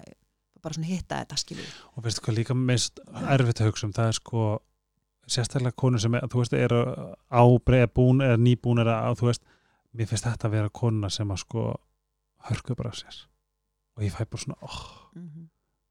ó, ég vildi að, að umræðan hefði verið stærri að það hefði eitthvað gripið ykkur allar bara, það er fóruð náttúrulega bara nefonum skilur hérna áður, Já. þú veist, þá var ekki en þú veist, þetta er bara, það er líka bara þetta snýst líka orðið um í dag þá vitum við, þú veist, að vera að skorta þessi mikilvæg hormón hefur líka áhrif á þróun ímsa sjúkdóma Mhm. sem er líka Ah. mikilvægt að koma fram þú veist, því að þess vegna getur, geta lifin líka gag, verið gagleg, skilur, þannig að þú veist, ef að þú veist, ef að jurtalifin dugi til og lífstílsbreytingarnar og allt það, þú veist, þá, þá þú veist, það er bara gott fyrir konu líka að vera meðvitaður um það, þú veist, ef þeir eru bara það lágar Já. og það eru ennþá með einkenni og þú veist, það er, það er ennþá mannliðan og, og svo leiðis, þá þú veist, og bara það er þá getur verið, þú veist, gott fyrir þær, þennan hópa á konum að skoða það skilur með veist, það er bara, svo, bara þú veist, það er verið að tala um eins og bara með hjartaðisjúkdóma og bara hérna með Alzheimer og, og fleiri sjúkdóma sem að, og bara, þú veist, bara fyrir minni okkar og margt fleira, Mhm. skilur bein, beintinningu og svo leiðist, þannig að hérna við þurfum að hafa þessu hormón bara í lægi, skilur Mhm. en byrjum á, þú veist, svona foundation okkar sem eru auðvitað bara þessu grunnþættir hilsu sem eru auðvitað bara lífstílin okkar, skilur Mhm. þú veist, næringin og, og, og svefnin og hvernig streytan og reyfingin og allt þetta, skilur og svo bætefnin og jurtalifin og, og svo hitt, skilur Já. þetta, það er vel einhvern veginn alltaf að vinna svolítið saman Einmitt. Ég spurði vinkonum í daginn sem er 960 hvernig var breytingaskeiðið þitt og ég fann að hún, það hún svona það hefur aldrei, það var engin spurt með þessu eitthvað svona, þú veist, bara svona hérna mér finnst það bara að vera svo áhugavert Já, að því að, já. sko, konur eiga þetta alla sammeilegt að þau þurfa að fara í gegnum þetta Og svona, mér langar líka að geta að tala um þetta að sé bara, herri, hérna, fegstu COVID Já. fór það illa með þig, Já. eða, eða hérna, nei, kannski það kannski, kannski ekki sambarlegt, en, en hvað svo sem það er já, að, það sé bara hinn hin eðlilegasti hlutur Mhm. líka til þess að vonandi verði það dóminu effekti Mhm. að, að bara ég er ekki að fara að koma í fokki vinna í dag Mhm. I'm, fl- I'm burning up Mhm. og bara bless Já. Skust, mér langar að það sé hægt ef ég ekkert um hann er með fyrirtæki Mm. þá vil ég að það sé bóði þetta er, þessi reyfing, hún er byrjuð, skilur Gott. þetta, þetta journey, þannig að það er rosa jákvætt Gott. já, við bara fögnum áfram því Já, konur algjörlega, bara, algjörlega Ástís Ragna þetta var party Takk er skan, sömu leiðis. Mín var ánægin og bara mjög ánægilegt að fá að koma og takk fyrir bóðið. og bara þetta er hérna, þetta er bara byrjun á já, við, svo áður en að ég kveð þá erum við hérna, að því að við erum hérna svona óbeint þrýeki Mm -hmm. eh, námskið okkar öknakla Einmitt. þið finnið það á Facebook undir eh, sjálfsefling og svo allur pakkin Mm ég vonast þess að, sjá þig Bara takk fyrir honorary, honorary attendant. Mm -hmm. og svo getur líka svona gripið aðeins fram í þegar, þegar taktu bara ginseng Já. nei, ég veit ekki Nei, rakka það ekki það alveg sko. það er bara, þú veist, það er allir með eitthvað svona, þú veist, þetta er, ég þarf alveg stundum alveg bara, maður stundum aðeins að unda sér. ég, Kannski ég, þekkir þetta. bara story of my damn life Já, þetta er alveg til þú veist, bara, ég við ekki það bara, þú veist, hér, að það er bara, en maður, ég er að vinna í þessu, þetta er, þetta er work in progress. við erum öll work in progress við glemdum að við byrjum alltaf þættin á, á að tala um stjórnmerkið Ástís er Mhm. bóamaður, Mhm. rýstu meja Mhm. uh, það er gott partí Er það ekki? og ég er með ein, eina spurningu eða þú ættir að bara velja eina rót bæta, þú veist, segjum bara þú veist Pokémon, það er allir einhvern veginn upp á Pokémon sem eru Mhm. Pokémon. Að skoða töfluna, hvað Já. er svona þú ert upp á öldi mitt. Hvað myndur þú segja, allavega núna? Ég, veist, ég myndi náttúrulega alltaf segja burnarótt. Ég er náttúrulega bara, þú veist, ég er bara verða að segja það, hún er bara best, þetta er bara, hún er bara frábær, þessi lækningur, hún bara, hún er svo, hefur svo margvísleg jákveð og góð áhrif á er okkur. þetta overdose þú sko eina sem maður þarf að hafa í huga sem þarf að passa, því hún er með mjög góðan safety profil, svona overall Mm. getur verið, hún er svona hún er, svona mátulega örfandi eða svona stimuljónandi fyrir vitrana getu og orku og fleira Mhm. og svona geðsla okkar, en hún það má ekki taka hana, þú veist, ef þú værir að taka þunglindslif, skiluru Já. og jafnvel, jafnvel eina tvær sortir, þú veist, þá þarf að ráðfæri sig við fagaðela, skilur, þannig að það er svona þú veist, ef þú værir á svona SSRI lifi, að þá, að því hún hefur áhrif á serotónið, Mm. hún eigur serotónið, dopamín og noradrenlínið Úf, og acetilkólín, þannig að svona aðeins, í, hérna, efnafræðinu þú veist, þannig að hún er, hún er kröftug skilur, hún, þannig að það er svona þú veist, þetta þarf maður að passa skilur svona interactions, já. Ég er nefnilega hef tekið Annars ansi margar á slæm dögum, sko. Það sem ég er bara, fuck this, tek fjórar. já, já, þú veist, maður þannig að fara að vala í þessu öllu sko. En eh, ef þið viljið rótjóla þá er það meira orska frá Ice Herbs Vákað hérna vil ánæg menn að þáttu vera að tala um Mhm. náttúru Mhm. náttúrurætur og Mhm. ég ástýrst því líka önnus ánægja og hlaka til að sjá það næst Mhm. næst hlaupum við í faðminn á hverja við vorum ekki viss hvort við, við höfum potið hist en við munum hvort hvenar algjörlega, við allavega, þú veist, mér stu sér alltaf þekkti, þannig, þú veist, við erum örglega eitthvað tíma nýst, já og bara heitast aftur sem fyrst. Bara algjörlega. Uh, látum við sjá. Sítokер, Ice Herbs, Sleepy Netto. Við Ástís Netto, við Ástís elskum ykkur ekstra mikið. En það gerir ekki Netto, Jú, netto, netto Já. Er það ekki? Eftir að vera á helsudöfum og eitthvað? Jú, ég var sérst í rauninni, ég var í samstarf með netto bara í næstu tíu ár.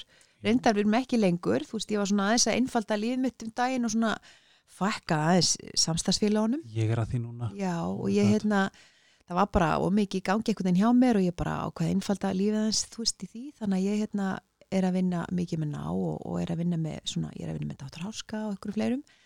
Ó, hérna- heyrðu, það er sama batteri og Ice Herbs Já, og hérna þeir, ég hef bara notað vörðina þeirra s- svo lengi og mér finnst þetta bara svo geggjukrem, sko, þetta er bara svo flott skincare og þetta er bara náttúrulega, þú veist, lífrænt, hágæða, rosa mikið plöntuefni, mikil virkni, þú veist, þannig ég elska hústöfi þeirra, sko. Dr. Háska, smá auka allt árið. plögg, let's go. Já, elska það. Hvað notar Þannig að Ég nota rosa mikið regenerativ línuna, þú veist, sem er svona 40 pluss, þú veist, þannig að ég er að nota svona aðeins feitari krem mm og ég reyndi að nota líka mikið þeirra sem er hérna foundation, svona léttur farði. Já, já, já, ég er bara að nota, þú veist, hérna bronserinn þeirra og ég bara nota fullt Ég skilur, er að nota hérna litadagkremið og aukkremið og já, að ég fekk sendið mín hérna bodylössunni með bergamót og ó, það er, það er æði, Unaður. það er æði, ég nota það líka sko, svo er eitt lavendel, mér finnst það svona veist, það er alveg í alvörinu smá sefandi áhrif af því sko, þannig að mér finnst það svolítið gott fyrir nóttina ah, með lavendel, þú veist, frá þeim og ég, þetta er bara svo hágæða vörur sko og það er bara mikil, þú veist, það er mikil svona plöntu virkni, Ég nota sko vatn og lavendur á henni Já. líka rosa gott Thank Jú. you. Ó, ástis, ég vona við ég vona þú, ég vona þú pullir þetta world domination eða Iceland domination. Einhvern tíma, aldrei að vita, það væri sjáum hvað setur förum að manifesta hann törn já, með stóru myndin af þér á toppnum. Ég er alltaf að sjá það fyrir mér. Með svona þyrlur hann í kring já, einmitt. Ég ætla að, ég segi bara dreymstort, já, þess að minn dreymur örugglega meira, en þinn. Já, En uh, þið sem hafa verið að hlusta og hlustuðu á okkur alla leiðinu hingað I love you, takk fyrir og uh, hafið það gott og talið fallega til ykkur Ástís, takk. Viltu segja bæja á saman tíma? Eitur og bye